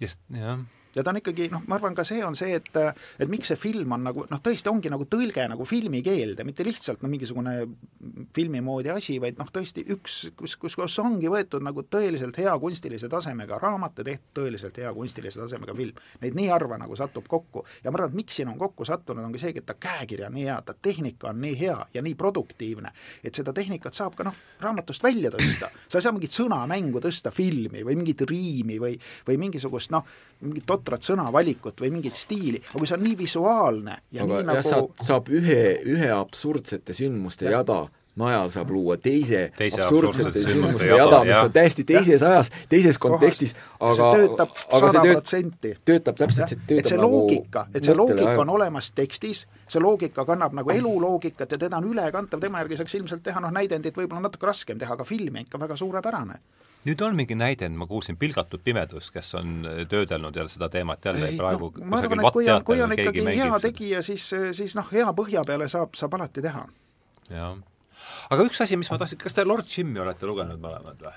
Et ma, vot see jäi mulle kuidagi, mis, lihtsalt ma ei taha siin pikalt takerduda, aga tudengipõlves ja minul läks ta raskelt. mul ka, mul läks juba mul oli see Pimeduse südame hea kogemus all, Tammsaare nagu väga meeldis, lugesin ja ta ei läinud ei läinud, jah? ta ei läinud mul hästi. ma tunnistan, et ma ei, ei ole ise seda lugenud. võib-olla peaks üle lugema, võib-olla no, ka liiga noorelt loetud, ei oska öelda, aga, aga siis ta mul ei läinud mul on sama asi, sest Salakuulajale mulle hirmsasti meeldis. salakuulaja on jah, selles mõttes, et et see oleks nagu terroristi õpik natuke, noh positiivses mõttes, et tuleb lüüa ühiskonna kõige haavatavasse punkti siit. nagu, et kus, kus on see nagu, kus, kus on see nagu sihtpunkt, et ja, ja, ja ka need nagu seda raamatut on ilmselt raskem kätte saada, sest ta on Loomingu raamatukogus nüüd hilisemal ajal ilmunud ja need trükiarvud ei ole, noh kindlasti on nagu piisavalt suured, kui võrrelda teiste nagu raamatutega, aga siin ma ei ole. Aga... raamatupoist saab, saab tellida, et siit, sealt sai ka Konradi selle uue ma sain viie euro eest. ei, raamatukoi kohta ainult head sõnad. jaa, jaa, et sealt saab, sealt saab kõik, et et, et tellid midagi, nad otsivad sulle välja, natuke aega läheb, aga no me elame praegu sellisel õnnelikul ajal, kus raamatulugejad inimesed surevad ära ja nende raamatud jäävad nagu selle põlvkonna kätte, kes enam ei loe ja tegelikult noh, ei ole ju sellist asja, kui mina ülikoolis siin käisin, et sa jahid antikvariaatides, maksad hullumeelseid nagu ma ei tea, kolmandiku kuupalka mingi raamatu eest, noh praegu mingi haruldused kindlasti on, aga see on üks enam-vähem normaalse raamatu eest maksad niisugust hullu raha, see, see, sellist asja ei ole praegu, saad ikkagi mingisuguseid imeasju osta nagu suht naljaka raha eest. No see salakuulaja siis, et vot seal on, teema on siis selles, eks, et, et selleks, et äh, et noh, näidata veel kas võib-olla seda Konradi kaasajalisust, kuid arutluskäik on selline, et et kui sa tahad ühiskonda tõesti rünnata, et siis sa pead ründama tema kõige püha, sa pead andma löögi pühamusse. ja et kui üheksateistkümnenda sajandi lõpul usuti teadust, teadust, jah, et siis tuli, ta tahab, et äh, lastaks õhku Greenwichi observatoorium. et see annaks sellele noh, tsivilisatsiooni südamesse ja siin ta siis arutab niimoodi kus tal on ju eluline, mingi taoline asi juhtus, mingi terrorist lendas seal lähedal õhku ja arvati, et arvati, võib-olla taht-, või arvati, et ta võib-olla tahtis seda observatooriumi õhkida. et, et siis arutab see, see tegelane, kes seda seal ähm, kavandab, seda asja, et nad, kelle all siis mõeldakse kindlustatud keskklassi, usuvad, et mingil salapärasel moel on teadus nende materiaalse heaolu läte, usuvad tõesti. ja siis natuke edasi, mul on see tsiteerin seda, et ma ei tea, mis siin täpselt vahel, et rünnak peab olema vapustav ja mõttetu nagu põhjusetu pühaduse teo-, teotus. kui, kuna teie väljendusvahendiks on pommid, oleks tõesti tõhus, kui pommi saaks visata puhtale matemaatikale aga kuna puhast matemaatikale pommi visata ei saa, siis lastakse õhku Greenwichi see kardan, et Osama bin Laden võis seda lugeda. Täpselt, just täpselt, ja et see kaksiktornid on ju nii eh, noh, ütleme teaduselt, eh, et see, no täp-, ma olen seda sama pilti siin kasutanud ka, et eh, ja seal see teine tsitaat, et mida aga öelda julma vägivallateo kohta, mis on oma mõttetuses arusaamatu, seletamatu, peaaegu kujutamatu, õigupoolest hullumeelne, vaid hullumeelsus on tõeliselt kohutav kuna seda ei saa kõigutada ähvarduste, veenmiste ega pististega. ja noh, täpselt see on see äh, terrorismilugu uuesti tagasi, jah. aga nii, et veel Lord Jim, Lord Jimist me sattusime siis salakuulaja peale mida, mida ikkagi julgeks soovitada. mida sa-, salakuulajad julgeks väga soovitada, salakuulajast on ka film tehtud, üldse hmm. mitte mm., ka mitte halb. ma mäletan, aga siis, kui ma seda salakuulajat lugesin, siis ma, see oli ka, ka üsna mingi no mitte sellisel tasemel, nagu see äh, Coppola mis ajafilm see on? ma ei, ka ikka mõned aastakümned tagasi. ei, ei ole näinud. jah, kas jah, ma ei hakka siit praegu otsima seda, aga nii, aga nüüd me oleme siis äh, mm, väikese ühesõnaga jah, võib-olla üks asi, mis, mis oleks võinud ka välja tulla, mis poole sõnaga siin mainisime, et tegelikult tema äh, siis äh, ristinimi oli Theodor Jossef Konrad Korž-, Korženjovski. Poola kirjanik. Poola kirjanik, jah, ja nagu Sven ütles, et õppis ta siis, sõitis ta merd, eks, sai oma hariduse merel ja ja ta oli kapten lausa vist, jah ma ei mäletagi. ma olen lugenud natuke elulugu, aga tõesti neid fakte ei mäleta, meremees ta jah oli. ja kui ta, ei olnud madrus? jaa, et kirjutamiseks tal aega pidi olema, jah, ta midagi muud pidi veel tegema peale mingite vantide sikutamisega kuskil. No ta oli tõenäoliselt, kui ta siin nooruses kujutab teist tüürimeest, siis noh, ilmselt sellega nad hakkavad. Pihta hakkama, et ta ikka päris jungala.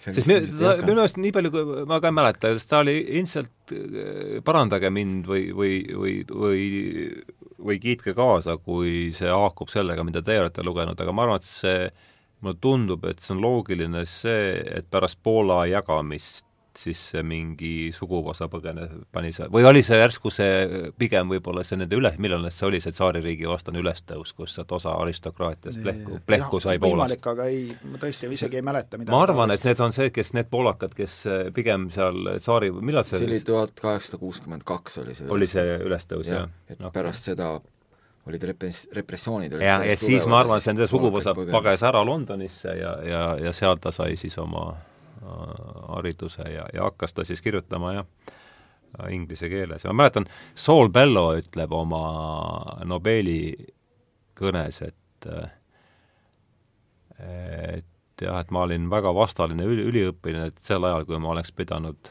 tuupima raha ja pangandust, lugesin ma hoopis Joosef Konradi romaane ja et ma ei ole pidanud seda kunagi kahetsema, et see et ta on ikkagi mingis, ikkagi üks, ma julgen, nagu me mitu korda siin läbi, ta on ikkagi üks nendest aladest, ma arvan, mille peal see kahekümnenda sajandi Euroopa lääne kirjandus ta on ikkagi väga erandlik autor, sest üldreegel on see, et eh, hilisdebüüt, tähendab noh, eks ole, kui esimene raamat sul ilmub vanema nagu kolmkümmend aastat, et siis eh, noh, kas on juba väga kõva või väga vilets, noh seal nagu neid muid variante ei ole, neid väga kõvasid on vähe, et tema on üks nendest väga kõvadest et üldiselt ikkagi eks see kirjutamine on ka asi, see on tehniline, väga tehniline ala ja tehnika õppimine võtab nagu väga pikka aega aga ma arvan, et no mis on minu kogemus ka, et näiteks väga paljud, noh luule on minu arust eriti tehniline ala ja väga, väga kõvad luuletajatel on tehniline vaist ja nad on, kas on mingisuguse muu ala peal, ma oma autoreid nimetas oma kirjastuse autoreid, kes on klaasikunstnik, kes on parandanud hästi mingeid hamba parandamispuure, kes oskab näiteks hästi flööti mängida, kes on väga hea noh, tehnika, mingi audiotehnika nagu parandab, paneb käe peale, ütleb, mis makil viga on või midagi taolist.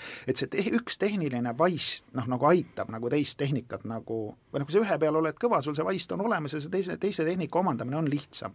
et see teeb nagu lihtsamaks ka sellise hilistebüüdi, ma arvan, et see mereasi on ka ikkagi väga tehniline ja noh, kui mm. ma neid noh, kas või seda raamatutki lugeda, seal igast noh, mingisugust, kuidas neid laevu parandatakse, see on väga selge, tehniline, keeruline asi ei ole. pluss see, et sa oled selle stiihiaga ikkagi vastamisi ja, ja ja tal see elukogemus on ikkagi ka noh, kaunis eriline, et ega see meremehe sellel ajal ei olnud see elu nii lihtne, nagu ta tänapäeval kindlasti on jah, see selline purje, purjelaevade selline, selline lõpp, lõpp aurulaeva muidugi oli ka, aga aga see noh, see noorus on selles mõttes on, et milline, milline vrakk see ikkagi, selles mõttes oli tänapäeval ei lubat-, lubat-, lubataks sellist nagu ma ei tea, Võrtsjärvele ka sõita mitte no see on hea lugu jah, kelle, kellele satub kätte see kõvakaaneline väljaanne. mina seda noorust lugu, ei olegi lugenud tegelikult. no see on tore lugu noh, mingist noorest mehest, kes läheb laevale, kellel on, kapten on umbes ka esimeses, esimest sõitu vist teeb ja on mingi vana mees juba, on saanud mm. siis lõpuks kapteniks, aga nii viletsa laeva peal, et see laev vist kolm või neli korda minu arust läheb merele ja tuleb tagasi, kas sellepärast, et juhtub midagi, ta laguneb seal või siis siis, või siis meeskond lihtsalt keeldub selle laguneva laevaga sõitmast ja siis temaga, noh, see on hea lugu, ma ei taha nagu lõppu ära rääkida, kus see läheb, aga, aga tõesti, see on merelugu, mis on nagu põnev, mis on nagu heade tüüpidega, ta ei ole jah, nii, võib-olla nii suure üldistusjõuga, kui see noh, ei saa kogu maailma nagu sinna loosse kokku võtta, aga aga, aga hea lugu on ta küll. jah, ma soovitasin seda just oma kolmeteistaastasele poisile, et luges noorust, jah? Jaa, et ta luges Kärbest Jumala, Jumalat, mis oli neil kohust-, mis ta oli nagu valinud kohustuseks, ma ütlesin see on ka väga raamat. ei, see on väga, see on mulle ka väga, väga sellest peaks eraldi tegema. võta, võta see, et ja noh, Pimeduse südamest me rääkisime ka natukese, aga noh. ja Kärbest Jumal jälle Loomingu raamatukogu. esimene trükk. ja pärast oli ta selles Nobeli sarjas, eks? pärast, teise, teise raamatuna, kui ta ilmus. ilmus, esimene, esimene oli Camus katk kas ka katkuga avati, kas Camus'st meil tuleb saade ja, nüüd ja, siin järgmine kuu? avati katku, kaheksakümmend viis. Ja katk oli ju esimest, esimene trükk oli, kas oli ka Loomingu raamat? oli, katk oli Loomingu raamatukogus, jah ja pärast olid nad seal kõik ühe kaante, ühtede kaante vahel. et see Loomingu raamatukogu on imeasju teinud on. ja millisel ajal, kus oli ju tohutu tsensuur ja ma ei tea, mis kõik. ta oli ajakiri, ajakirjal olid natuke leebemad tsensuurinõuded muidugi kui raamatutele, Eestis oli ka veel natukene nagu lõdvam, et et selles mõttes noh, ta nagu oli niisugune imeasi Nõukogude Liidus, et paljud asjad ilmusidki eesti keeles või või siis noh, ainult noh, Venemaal kuskil ajakirjas ja eesti keeles ka, et kuskil mujal ilmunud. et see en... oli väga, väga eriline koht oma, omas ajas. Enn Soosaar väitis mulle kunagi ja ju ta teadis, millest ta rääkis, et tema tõlgitud Bello oli esimene Bello üldse, tähendab eesti keeles esimene tõlge üldse Nõukogude Liidus. seda juhtus veel, ma arvan, neid oli veel, et see kindlasti ei ole ainus, ainus, ainus asi ja no Bello on ju ka väga kõva autor. väga kõva, väga kõva autor ja teeme saate, Bellost teeme kindlasti saate. et et jah, et no teeme siin siis omapoolse, võib-olla tõmbame, tõmbame siis, see võiks olla näiteks meil praegu umbes, et oli nüüd teine, teine niisugune mõtteline osa sellest saatest ja lõpetame selle siis sellise mõttelise kummardusega Loomingu Raamatukogu endistele ja praegustele kaastöötajatele, ma arvan, et see on niisugune täiesti asjakohane noh, praegu on seda sama, samal tasemel tööd ju täiesti võimatu teha või sellist unikaalset asja, aga noh, see traditsioon on olemas, minusugused lugejad on olemas, see noh, see aura on olemas, et noh, jah, see on kõva märk. et see vähemalt, ma usun, et paneb nagu noh, e-, ei, seal ongi kõik hästi, ma arvan, vahepeal vist küll võib-olla peaks suutma Skandinaavia ängi tuli juba nii palju, et isegi mulle see liiast. kogu jaoks peaks võib-olla suutma kunagi midagi kirjutada. ma olen mõelnud sellises mm. väikses formaadis, et muidu noh tehtud mul kunagi üks luulekogu ilmus. on ilmus, jah? sul ei ole, sul ei ole? ei ole. ma olen väga õnnelik selle üle. see oli minu on... jaoks niisugune püha, püha sari ja kui seal ilmus ja. see Päike, mida sa õhtul teed, siis aa ah,, see ilmus sul seal, jah? ja, ja selle ikkagi siis tegi, kes tegi Loomingu aasta ülevaade, Hennoste ja tema jaoks oli see aasta parim raamat, nii et see mm. oli noh, nagu tõstis mind ikka kõrvupidi täitsa ilusti kohe, et noh, nagu mitu, mitu õnnestumist ühe raamatuga, mis sa veel tahad mm. -hmm aga kena, aga võib-olla siis ütleme, kui me nüüd äh, niimoodi silma järgi kella või silma järgi, ühe silmaga kella piiludes äh, võiks arvata, et meil on nüüd niisugune viimane saate, me oleme jõudnud saate viimasesse kolmandikku ja ja loomulikult me räägime Konradist, kes Konrad on meil nüüd peaaegu liiga aast-, sada aastat surnud. Ja me loeme teda oma kaasajas ja mida tal siis on meie kaasajal, kaasaja kohta ütelda see teema muidugi hakkas meil kohe algusest peale äh, sisse tulema, et et paralleelid kaasajaga ja no ma arvan ikkagi see tuleks tagasi sel-, selle, mida te arvate selle mõt-, sellest mõttest, et äh,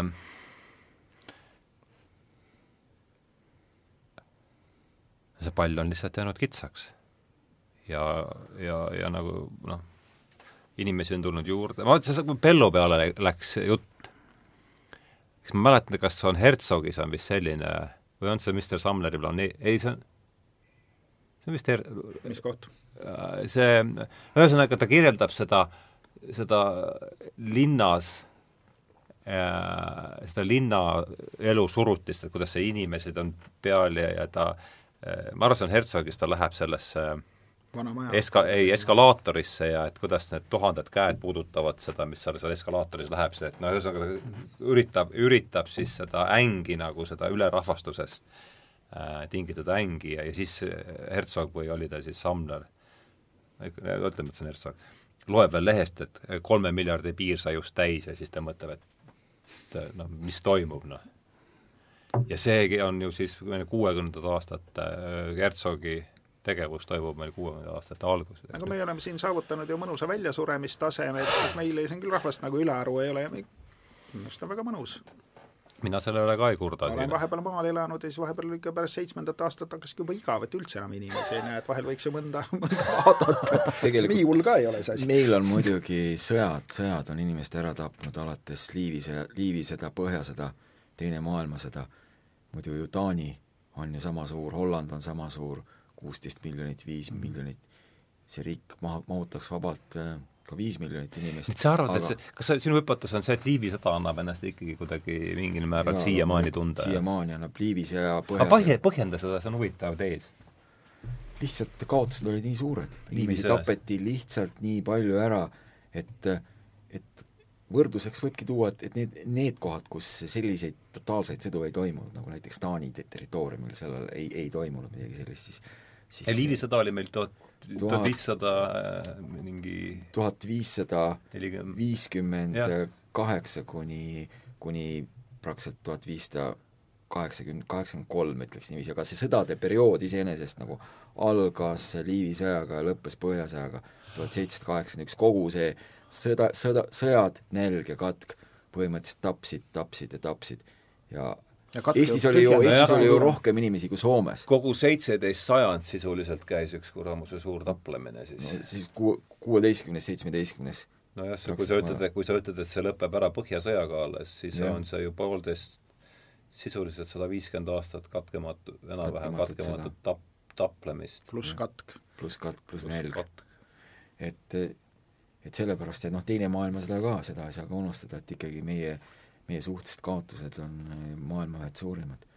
et, et see on see põhjus, miks meil noh, on inimesi lihtsalt vähem mm. -hmm. ja noh, meie lapselapsed võib-olla seisavad kunagi dilemma ees saja aasta pärast või natuke varem, et oletame, et äh, maailmas tõuseb, merepind tõuseb meetri võrra, mitte rohkem, ainult ühe meetri. näiteks võtame Gangese delta, mis seal juhtub, kus on, kus on Bangladesh praegu. see tähendab seda, et kümned miljonid inimesed lihtsalt jäävad ilma nagu elukohata ja siis hakkavad liikuma. hakkavad liikuma, aga see ongi see küsimus, et et jah, teoreetiliselt kosmopoliitse vaatepunkti kohaselt võiks meile vahutada kolm või viis miljonit inimest, aga küsimus on selles, et et mis meist siis pärast edasi saab või mis äh, millest me siis üldse nagu saaksime rääkida? nagu rehkenduse järgi on maailmas ju ülirikkaid, kes võiksid üksinda kogu Bangladeshi ja võib-olla veel kolme-nelja riigi inimesed noh, nagu ära majandada, ära toita, ära harida, anda neile tasuta arstiabi ja kõigile korraliku auto tagumiku alla, sellised inimesed on olemas, kellel on raha nii palju, see on, need on need null koma üksteist nulli pärast nagu koma, noh see, see väike, mitte üks protsent rikkaid, vaid see üksteist nulli ja siis see üks protsent, et need võiksid teha kõike, kui nad tahavad. mis te minu otsa vaatate, mina ei saa Bangladeshi päästa, mul ei ole seda varianti, vaadake sinna ülespoole, mis on need, kes maailma asju korraldavad ja kellel on raha seda korraldada, et noh, nende, nende päralt on meedia ja haridus ja valitsused ja kõik, et noh, nad võivad kõike teha et see raha, reaalselt selline raha teha kõike on olemas. ja rahvastiku juurdekasv tegelikult koos nagu kliimamuutusega, need kaks nagu tegurit koos võivad, võivad noh, kui ma vaatan seda ulmekirjanikuna, siis siis need, need on, need on need tegurid, mis hakkavad meie ühiskonda mõjutama. ja muidugi noh, tehniline progress osalt äh, suudab nagu luua võimalusi ja suudab äh, parandada asju, aga aga see ei suuda selles mõttes äh, no see on see, millest sa just äsja rääkisid. see, see ei suuda meretaset äh, alandada, kui see korra on tõusnud. ja kõik on väga pika vinnaga asjad, et kui isegi saadakse nüüd midagi pidama, noh, põhimõtteliselt sütt hakati põletama ju kaheksateistkümnenda sajandi lõpus, põhimõtteliselt see tase on, on, on tõusnud, tõusnud äh, nagu järjepidevalt ja nüüd see nagu on alles, alles läinud nagu, nagu järsult üles, et, et, et kui seda piirata, seda ei saa, ei suudeta ka järsult piirata, et me võime ju püüda näiteks põlevkivi vähem põletada, aga kui hiinlased avavad samal ajal kümnete kaupa uusi söeelektrijaamu, siis ei ole sellel väga võimsat efekti, et et noh, iga inimene tegelikult on mõistlik inimene, püüab ise ka midagi teha, et noh, kas ma tarbin vähe, vähem vett või ma ei sõida autoga või ma loomulikult tahan neid asju teha, aga aga küsimus on, on selles, et mis asjad siis suudaks nagu maailma mõjutada. et, et tõesti, selles mõttes kliima soojenemise efektid ei, ei kasvaks meil üle pea ja noh, loomulikult ka kliima on, ongi olnud näiteks kaks miljonit aastat tagasi palju soojem kui praegu, et, et iseenesest selles ei ole nagu midagi, midagi uut, aga, aga kuidas need inimesed lihtsalt sellest keskkonnast toime tulevad see on nagu küsimus, et kui Sahara tungib peale ja neelab maad ära, mis siis teha sellega? ja, ja, ja see on, see on hea no ütleme nii, et maailma, ma, ma olen äh, mingisuguse teadlase suust kuulnud juttu, et maailma merepind, noh ajaloos kui pikemas pildis vaadata, on paarsada meetrit üles-alla kõikunud, paarsada meetrit. jah, aga siis polnud seitsesada, seitse, seitset miljardit inimest aga siis ei olnud ühtegi inimest, ta kõikus ikkagi ilma igasuguse söe põletamiseta ja, ja, ja nende meeletute tarbimisteta, mida vabakutselised kirjanikud sooritavad siin kuritahtlikult. et, et, et et kõigub niikuinii ja väga suures piiris on kõikunud ja tõenäoliselt jääb kõikuma. et, et see võib-olla aga inimene... no ütleme jah, et, et, see... et kui on seitse miljardit inimest, siis see üks meeter kõikumist on juba, sellel on palju-palju-palju suurem tagajärg, kui seal neid inimesi on ja noh, neid, neid kõikumisi on ajaloos olnud, aga neid ei ole ka kunagi olnud nii järsk, järske. no siis lihtsalt ei olnud jah inimesi, aga ega siis ma saan aru, et ega neist inimestest nüüd, nüüd kellelgi nii väga kahju ka ei ole siin, et vaatad ringi, et siin noh, käivad tuimade nägudega ringi ja seitse miljardit või kaks miljardit, ma arvan, et see, see läheb inimestele sama vähe korda kui kakssada miljardit pestud raha kuskil Eesti Pangas. Kellelgi ei ole halvem sellest, kellelgi ei ole sellest no enne kui, enne kui tuul äh, kat-, enda katust ära ei vii, siis on, hakkavad kohe asjad juhtuma inimestel on tavaliselt halb ka siis, kui mitte midagi ei ole viga, ikka on halb. ükskõik, kui, kui ega need heaoluühiskonnad, noh, kes meiega võrreldes on veel ikka veel, veel, veel nagu paremal järjel, ega seal ka inimesed ei ole ju lausa õnnelikud. ikka on enesetapud ja ikka on hädad ja ikka on vaja sugu vahetada juba lapsena, sest muidu üldse välja ei kannata enam seda õudust, sest nii raske on olla. inimesed ju võrdlevad ennast nagu noh, tegelikult oma kaasaegsetena, kaasaegsetega, ma Kortašanis nagu kasutasin seda nagu, nagu võrdlust, et, et tavaline inimene tuhande aasta pärast, et elab ju paremini kui Julius Caesar või, või Xi Huangdi, et mm, -hmm. et aga inimene täna ei, ei võrdle ennast nagu Caesariga, et ta võrdleb eh, rikastega ennast ja siis ta näeb, et et tal on ikka vähe, et noh, kuidagi probleemid ikka ju lahendatakse tavaliselt, siis ongi toore vägivallaga ja ma arvan, et läbirääkimisi ju ei peeta, sest kui inimesed ikkagi noh, miljonid inimesed tahavad ellu jääda, nad teevad kõik, et ellu, et jääda. jääda. Nad kasutavad absoluutselt kõiki võimalusi, ega ellujäämine ei ole asi, kus saab kompromisse teha ja läbi rääkida. no räägime läbi, et te nüüd noh, pooled surete ära siin ainult pooled, see on päris hea pakkumine, mõelge selle üle. jah, siis aga tuleb ikkagi võistlus selle peale, kes jäävad ellu. ja ellujäämiseks ei ole ühtegi vahendit, mida ei kasutata. ja see jutt tõenäoliselt solvas siin jällegi nii mõndagi inimest, aga mis me ei ole no, jah, ja see aga... viibki tagasi selle õuduseni, mida elasid läbi nii härra Kurts kui Connor Kurtz ja mida nad nagu nägid, tegid ja milles nagu Just. olid kaasosalised, et see on üks teema, ongi see nii, nii noh, noh raamatus võib-olla läheb filmis natuke rohkem, et kuidas noh, just normaalsest, noh tõesti nagu heast ja normaalsest inimest, kel ongi väga nagu noh, tõesti head ja progressiivsed vaated, see on mingi kohutav maniak põhimõtteliselt, no tõeline monstrum.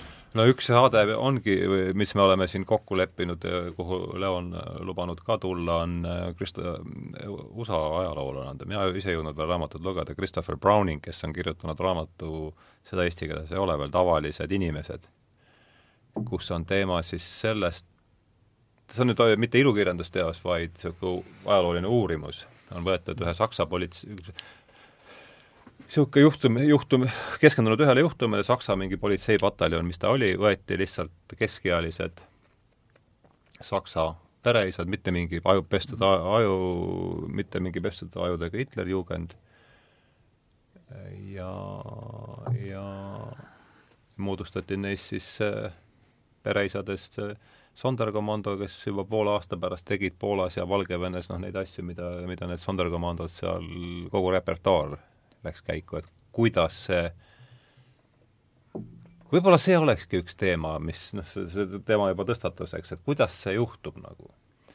ja et äh, jällegi ma vaataksin eelkõige Leole otsa, et sa oled noh, sa oled näinud inimest nendes, nendes olukordades ja kuidas see noh, üks vastus on ilmselt muidugi, et, et kui sa oled pereisa täna siin, istud kodus ja vaatad telekat ja poole aasta pärast teed asju, mis noh, mida sa isegi kujutad ette, siis sa ei satu siit ühe sammuga, et sa saadad sa punktist A punkti B niimoodi samm-samm haaval, aga et mis need sammud on ja ja kuidas neid ära tunda ja mis nende vastu üldse teha saab, et kuidas jääda inimeseks nendes oludes, on et noh, seda ma olen päris palju püüdnud oma ühes viimases raamatus, Sõda kaks tuhat kakskümmend kolm nagu käsitleda, lisaks sellele, et ma neid stsenaariume käsitlen, mida nagu inimesed üldse, et mida, noh ainus progress, mida mina usun, mida inimene võib saavutada, on see, et et ta saavutab selle iseenda sees, et ta püüab no, ise nagu saada paremaks, et püüab oma koletistest saada jagu, sest kõigis meis on, meil on, meis, meis on koletised, kõigis meis on, on seesama kolonel Kurtz istub meil sees ja kui teda ei suudeta vaos hoida, siis ta pääsebki välja ja ja teeb asju, mis, mis äratavadki puhast õudust. et, et, et, et kuidas inimene nagu sinna jõuab, see on, see on nagu omaette küsimus, kui mõelda näiteks seda, et et, et mingi periood võivad inimesed väga rahulikult koos ela, elada nagu, nagu kuskil noh, on, on hea, head, heaks näiteks on toodud Bosnia, kus on mm. kolm tsivilisatsiooni, elab, kolme tsivilisatsiooni e-, esindajad elavad ühel kitsal maalapil koos noh, kes Teise maailmasõja ajal küll tapsid üksteist, aga kes siis sisuliselt nagu Jugoslaavia ajal, siis Tiito ajal eh, suutsid siiski rahulikult koos elada ja, ja hakkasid seda kõike peaaegu unustama. ja kuidas see ühel momendil lihtsalt kõik uuesti pääses valla, et vägivald, noh, ta on oma, oma olemuselt selline, et et kui ta hakkab eskaleeruma, on teda väga raske pidurda. üks teeb, mina teen mingi sammu, sina teed vastusammu, tema teeb sammu ja siis levivad kuuldused, aga nemad tegid veel seda ja seda ka veel, sellepärast meie peame tegema seda, seda, seda ja lõpuks see jõuab, jõuab välja selles mõttes, see jõuabki totaalse genotsiidi, massimõrvade ja kõige selleni, mida me oleme ju sõdades nii palju näinud. et, et kuidas inimestest saavad sõjakurjategijad, see on nagu noh, see ongi raske küsimus ja seda tegelikult keegi peale inimese enda ei suuda nagu tõkestada on ju tehtud neid eksperimente, see tuntud vangla eksperiment, ühed üliõpilased on vangid, teised on valvurid ja kuidas asi läheb kontrolli alt välja, vaata, tapavad ära üksteist, et lihtsalt olukord, selles olukorras, kus ühel on võim teise üle, see lähebki niimoodi. Ükskõik kui lillelaps seal ei pruugi isegi võimu olla, see võib ka minna horisontaalsete no, gruppide vahel aga... nagu naginaks. ma käisin, käisime siin temal End-, Hendrikul külas, kui ta oli Krakowis ja Hendrik vedas, viis meid vaatama seda mingi Poola film oli välja tulnud just. mingi kahe, noh, ei saanud aru, poola keelest mina aru ei saa, aga vaatasime ta truult seal lõpuni, mingi niisugune päris äh, huvitav e-, esietendus oli veel. ja see rääkis nendest Volõõni aladel, äh, mis toimus Teise maailmasõja alul. ja ma ütlen sulle ausalt, see oli nagu Saag neli, noh. ainult üks katkematu veristamine, mis seal toimus, siis ukrainlaste ja, ja, ja poolakate vahel, see oli täiesti ma ei ole niisugust niisugust äh, veresauna ikka ikka, ikka näinud, noh. et noh, sellist, sellistest filmidest, mida ma veel soovitaks, et üks Oliver Stone'i vähetuntum film on, mille nimi on Savior, mis räägibki põhimõtteliselt Bosnia kodusõjast ja näitab kõiki kolme osapoolt. lihtsalt seal on nagu peategelane tegelikult on üks, üks nagu prantslane, kes on tegelikult vabatahtlikuna nagu erand, erand, erandjuhul nagu Serbia poolel ja alustab sellest nagu pihta ja, ja käib kõik need kolm osapoolt läbi ja nende nagu teod nagu väga-väga mm -hmm. halastamatult. et, et see võib-olla on ka üks, üks nendest nagu filmidest, mida ma julgeks soovitada, aga see ei ole ka kuskil minu teada ei ole Eestis kinodes kunagi, kunagi no need sellised asjad ei satu. ei, ei, ei, ei satu, jah. aga mulle väga meeldib, väga meeldis see mõte, ma olen absoluutselt seda meelt ka, meil on muidugi koht, et me kiidame ainult üksteise järgi, aga, aga, aga aga no mis seal ikka. et see, et see kolonel Kurz on meis, või siis äh, ühes on see kolonel Kurz ja teises on ta siis seal, ta pole kolonel, see on ta lihtsalt mingi kaubahoovi pealik. juht või midagi, mis ta seal on. et see on meis kõigis sees äh,. ja see on ilmselt see, mida Jung nimetab varjuks ja see, kuidas, et kuidas ja, ja, ja tõesti, et selle, et selle varjuga võidelda, sa pead varjuga võitlema enda sees, et kuidas seda teha, et kuidas äh, noh, siin Sten, Sten, Sven rääkis, et kirjutamine on äh, tehniline töö ja aga ma arvan, et see ka mingil määral on selle varjuga hakkama saamine mingi no, tehniline töö, et mis on need sammud, mida teha? on nagu selline muinasjutu või müüdi või selline kujundiväärtusega asi, aga tegelikult on meil peas aju. ja, ja se-, sellega võidelda, noh, sellega saab kindlasti, igat asja saab treenida, igat asja saab nagu muuta, aga ma arvan, et selle aju põhi on, et kunagi igal juhul ma olen lugenud, et no aju kujunes välja umbes siis, kui inimene välja kujunes, ma ei tea, sada viiskümmend tuhat aastat tagasi savannis ja see elu ei olnud meelakkumine, põhimõtteliselt see oli loomaelu, kus tuli tegeleda nagu ainult probleemide ja õudusega, õudusega, sellesama õudusega, no teisel on nälg, no kiskjad, haigused, no kogu aeg, kogu aeg mingi puudus igasugusest asjast. et tegelikult inimese aju on disainitud tegelema probleemidio ja seal on mõni üksik kaks punkti vist, kui mu mälu ei peta, mis tegelikult heade asjadega, mis jämedas joones nagu tähendab umbes taolist asja, et kui mingisugune noh, niisugune ürginimene elas kuskil näiteks ja tema ajus oleks olnud ainult see heade asjade nagu võime, no luusutada lilja, vaadata päikseloojakut ja kuulata mingit kosekohinat, oleks ära söödud sekunditega ja tema geenid ei oleks meieni kandunud, et ime, et seal üldse mõni punkt on nagu järgi, mis tegeleb muu asjaga kui lihtsalt nagu õudusega ja kus aju on nagu disainitud selleks, et õudusega tegeleda. ja selle, et linnas sul tegelikult reaalselt, no ütleme praegu meie ajal noh, ime küll, no ei olegi tükk aega enam sõda olnud, eks ole, ega mingit sellist asja, mingi jõugud on nagu võib-olla enam-vähem kontrolli all ja kuidagi saad veel ära ka söödud, mõni elab veel lausa, lausa hästi, eks ole, sööb mitu korda päevas ja paneb tule õhtul põlema, eks ole, vägev, soe on. et, et aga aju on ikka seesama aju, see aju on ikka seesama aju. et see aju disain on ju nii, noh, no miks inimesed näiteks noh, kuulen, vahel ikka vaatan neid, mida meie ajuteadlased ja mingid asjad räägivad, et mingi, meil on ajuteadlane, teadvuse teadlane Aru, noh, tema oli kunagi arvutisõltlane, seletab, miks inimene on arvutisõltlane. aju, tal on peas aju ja näiteks looduses on inimesel see vajadus, et kui mingi uus asi tekib, ta peab selle nagu endale selgeks tegema, kas see on ohtlik, kas see kõlbab süüa, no mis asi see on, sest noh, uusi asju on vähe ja need kõik asjad tšekitakse läbi. see on ajusse sisse mm. programmeeritud mm, novelty see jah, niisugune, sa pead uued asjad selgeks tegema, siis sa lähed internetti see on täis lõputult uusi asju. iga sekund tuleb miljon uut asja juurde ja siis sa seal, sinu aju noh, sunnib sind tegelema sellega, sest see on refleks põhimõtteliselt. see on üks mingi väga ürgne tung, mis sind nagu noh, ajab takka. Exploratory behavior on see ingliskeelne väljend. mis ma oma kogemustest oskan öelda, et ega sellistes olukordades muud, muud piirangut ei ole, et sa pead nagu iseendale piirangut seadma, et lihtsalt mingeid asju ma teen ja mingeid asju ei tee, noh, ma tuhat üheksasada neljakümne neljas ma püüdsin seda näidata, et, et mehed lihtsalt, et ühel momendil mingit asja ei tee, et ennem suren ja siis nad surevadki. lihtsalt noh, no nii julm ongi mõnikord. ega, ega siin muud ei ole, sest noh, muidu, muidu sa, sa teed, sa teedki neid asju. aga see eeldab jällegi seda arusaamist, et midagi on hullem kui surm. jah, aga see, see eeldabki, see, see eeldab selle nagu, nagu asja läbimõtlemist, see eeldabki teatud selliseid nagu, nagu kõlblust, sellist põhja mille, mille, mille nagu loomine on ka tegelikult nagu puhas mõistuslik protsess. ma ei ole võib-olla siin Sten, Sten, meil, mul sõber, teine sõber on Sten ja see tuleb nimi juba teistkümnes asja, Sveniga ma ei noh, okei okay,, aju ja, ja müüt, ma olen nõus, see vari on ikka puhtalt niisugune mütoloogiline nähtus, aga nagu sa siia sõites teise taksos ütlesid, et noh, kui me võtame aju, me eelkõige seostame seda mõistusega, aga mõistus on ikkagi, eks ole, tööriist.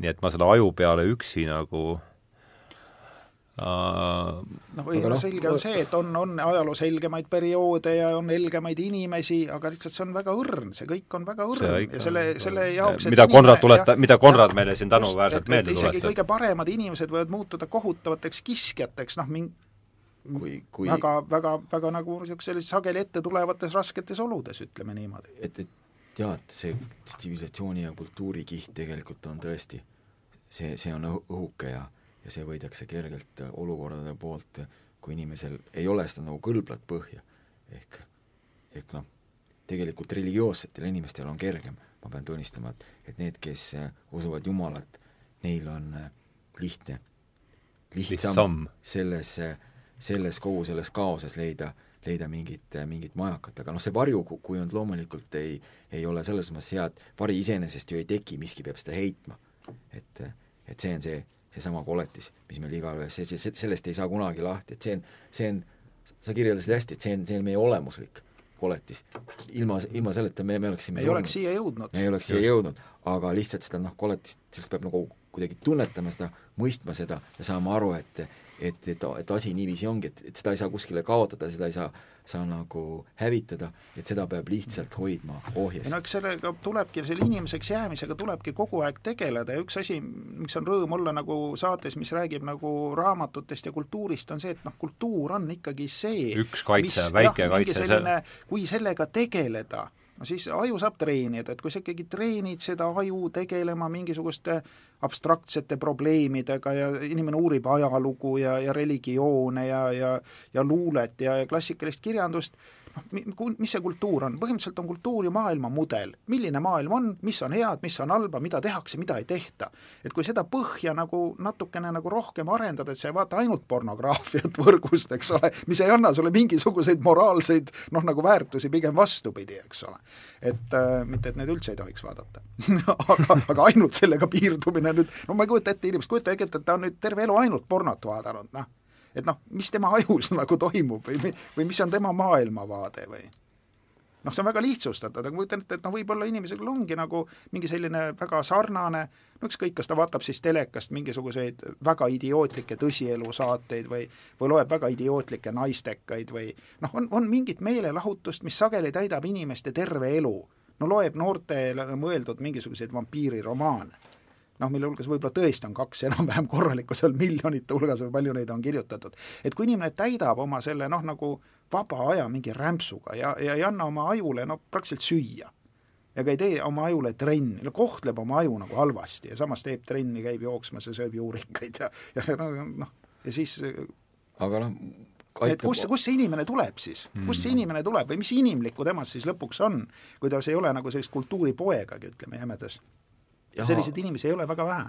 aitab ka muidugi see, et igasuguseid olukordi, kuhu inimene võib sattuda, et kui ta oma ajus need läbi mõtleb ja modelleerib, et kui ma satun sellisesse olukorda, mis, mis ma siis teen nagu, noh sõjaväelane peab niikuinii seda, selliseid asju kogu aeg mõtlema, et olukord see, olukord see, olukord see, noh, ulmekirjanikuna sa mõtled ka sellele, et et et, et see aitab palju, sest siis, kui see olukord lõpuks on käes ja sul on nagu need situatsioonid läbi mõeldud, siis sa nagu teatud noh, ma ütleks, et automaatselt hakkad nagu tegutsema, aga sul on, sul on lihtsam leida seda nagu õigemat rada, ehk siis mitte kalduda sinna, sinna nagu, sinna, kuhu on köötsi teed nagu. võib-olla see, mis mind teeb kõige rohkem, teeb murelikuks, ongi see, et osa seltskonda ei saa kui me rääkisime siin, me oleme kõik kolmekesi seda meelt, et see tume pool on meis olemas ja, annaks Jumal, et ta ei pääse kunagi et oleks ainult vari. et jääks, et ta jääks ainult varjuks jah, et ta nagu pulti enda kätte ei saa. aga osa seltskond paistab olevat sellest asjast nagu täiesti õndsas teadmatuses, nad ei kujuta seda ette, aga nad saavad aru, et midagi on valesti ja siis projitseeritakse see asi, see enda, see tume pool nagu teistele, teistele välja ja ma arvan, et see on üks asi, mis vaata inimene ei saa ennast kaitsta, kui ta ei teagi, et vaenlane on olemas. kui isegi ei tea, probleemi ei suuda teadvustada, kuidas sa saad noh, sellega toime tulla. et kui inimene ei anna endale aru, et ta on kas olemuselt noh, natuke väärakas või vigane või kuri või no sellist nagu päris pattu ei tahaks nagu jutustada, aga ikkagi noh, ajuehitus on fakt, ütleme nii. Et päris aju no, see päris pattu jutt on üks mõistlikumaid siin välja peal võib-olla, seal on midagi muidugi nagu iga jutuga, et sellega ei saa ka üle võlli, üle võlli põrutada, aga sellest jutust võiks vähemasti teadlik olla ja, ja seda, kui, kui neid kõiki jutte lugeda ja vaadata, mis omavahel kokku sobivad, et kui see päris patu jutt sobib nagu ajuehituse jutuga kokku ja varjujutuga kokku, et see moodustab sul noh, erinevad jah. jutud moodustavad sulle nagu mingi piltide grupi või sellise asja, noh, niisugune piltide pill. peale Marxi on veel jutte, noh. et, et, et mingid jutud lähevad sinnakanti, mingid sinnakanti ja siis noh, mis siis nagu sinu elukogemuse ja, ja teiste juttudega kokku läheb, et noh, ma pigem nagu usun sellist asja, mis nagu Konradi juttudega kokku läheb, sest ma näen, et need on nagu minu elu ja minu arusaamisega kooskõlas, kooskõlas ja, ja asjad, mis ikkagi noh, üldse sellega kooskõlas ei ole, need ma panen kuskile kõrvale ja ma ei, ma üldse ei tegele ja ei mõtle nendega. aga vaata, kui inimene on hoitudki elust eemal, tal ei olegi mingit elukogemust, tal ei ole mingit kultuuripärandi mingisugust kontakti, kust ta saab siis aru seda, milline jutt nüüd noh, milline jutt on, mida kuulata, mida mitte, mida lugeda, mida mitte, mida vaadata, mida mitte, noh, ta elab segaduses ja hämaruses ja teda võib-olla hoitaksegi seal hämaruses. ja ega selles hämaruses võib juhtuda igasuguseid asju ja vaatad, et neid häid asju ei kipugi seal juhtuma pigem, pigem halbu ja väga halbu. jah, juba praegu, kui väljas on ikka noh, nii soe saab suvi, kui veel saab olla, noh. elektri saab ikka veel sisse lülitada ja niisuguseid asju on. Leo, midagi lisada? praegu hetkel ei olegi võib-olla, et siin Sven ütles hästi selle asja võttis ja ma ei tea, miskipärast mul mul ei olnud seda plaani, aga see, no selles esimeses ma ei tea, mis ta mul siis oli, referaat. Sest majandusajalooline niisugune pikem referaat. see on tegelikult see kaheksas, selle mõtte ma laenasin ka paljugi, paljugi Graylt. Et üheksateist, või tähendab, kahekümnendal sajandil tegelikult tuli te,, tegelikult see on niisugune halb parasiitsõna, just nagu viitaks sellele, et ma tean, mida tegelikult toimub, aga et me, et stalinism ja fašism on need kaks asja, mille me sai, et ütleme, see, see, mida see õhtumaade tsivilisatsioon saatis korda Kongos näiteks. Et see arve tuli meile stalinismi ja, ja fašismina tuli, tuli tagasi meid koju tagasi kummitama, sest nagu Gray ütleb siin ühes oma kirjutuses, et ega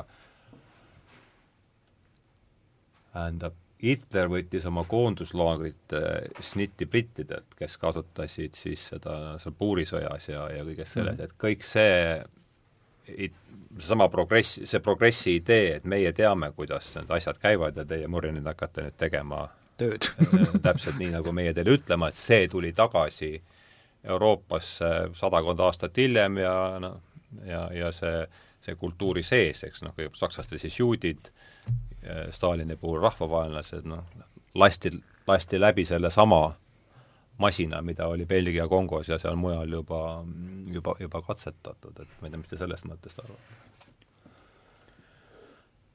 jah, võib-olla koonduslaager kui selline tõesti, et see oli brittide leiutus uurisõja ajal ja noh, ega siis bolševikud ka seda nagu oma peast välja ei mõelnud, kõik ikka progressiivne ikka, kogemus läks ikka kohe niimoodi? Läks, läks käiku, jah.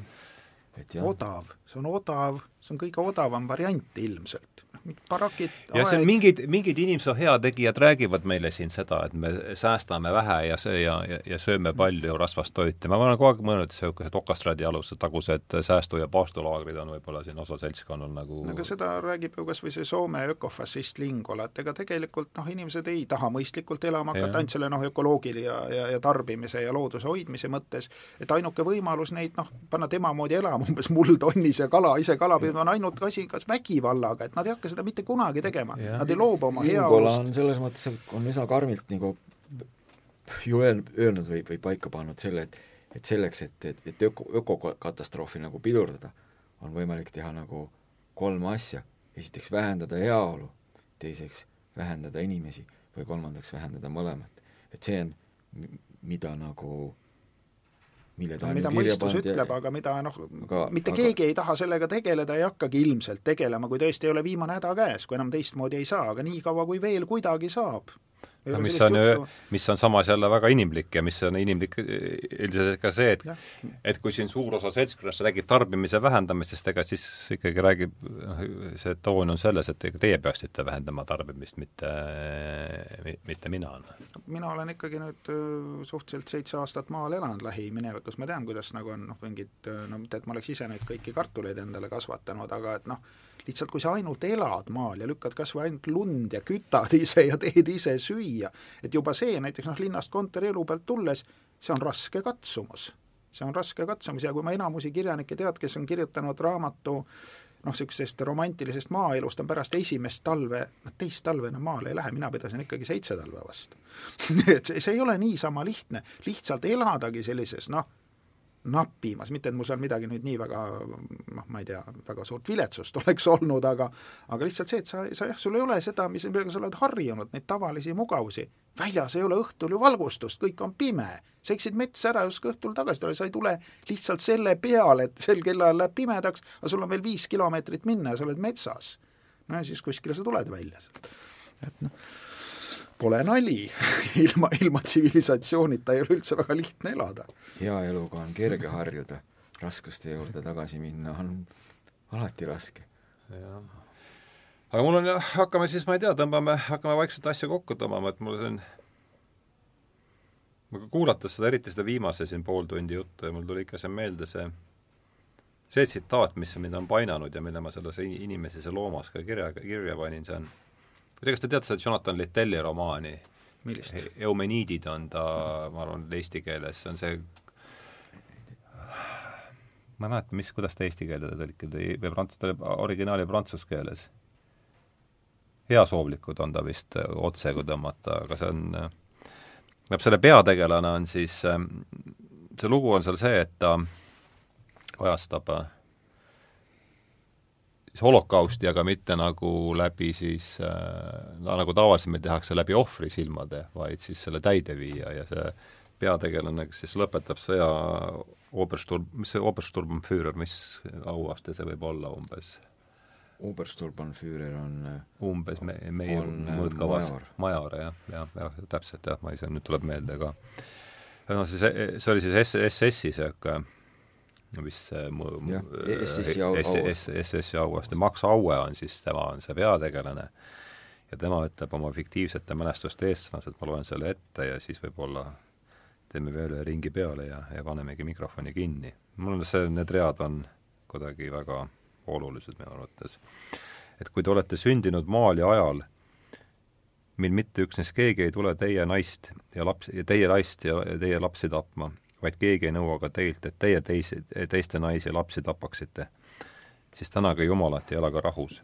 aga pidage alati meeles, teil on lihtsalt rohkem vedanud kui mul ja see ei tee teid veel minust paremaks sest niipea, kui te nii arvate, olete te juba ise ohus.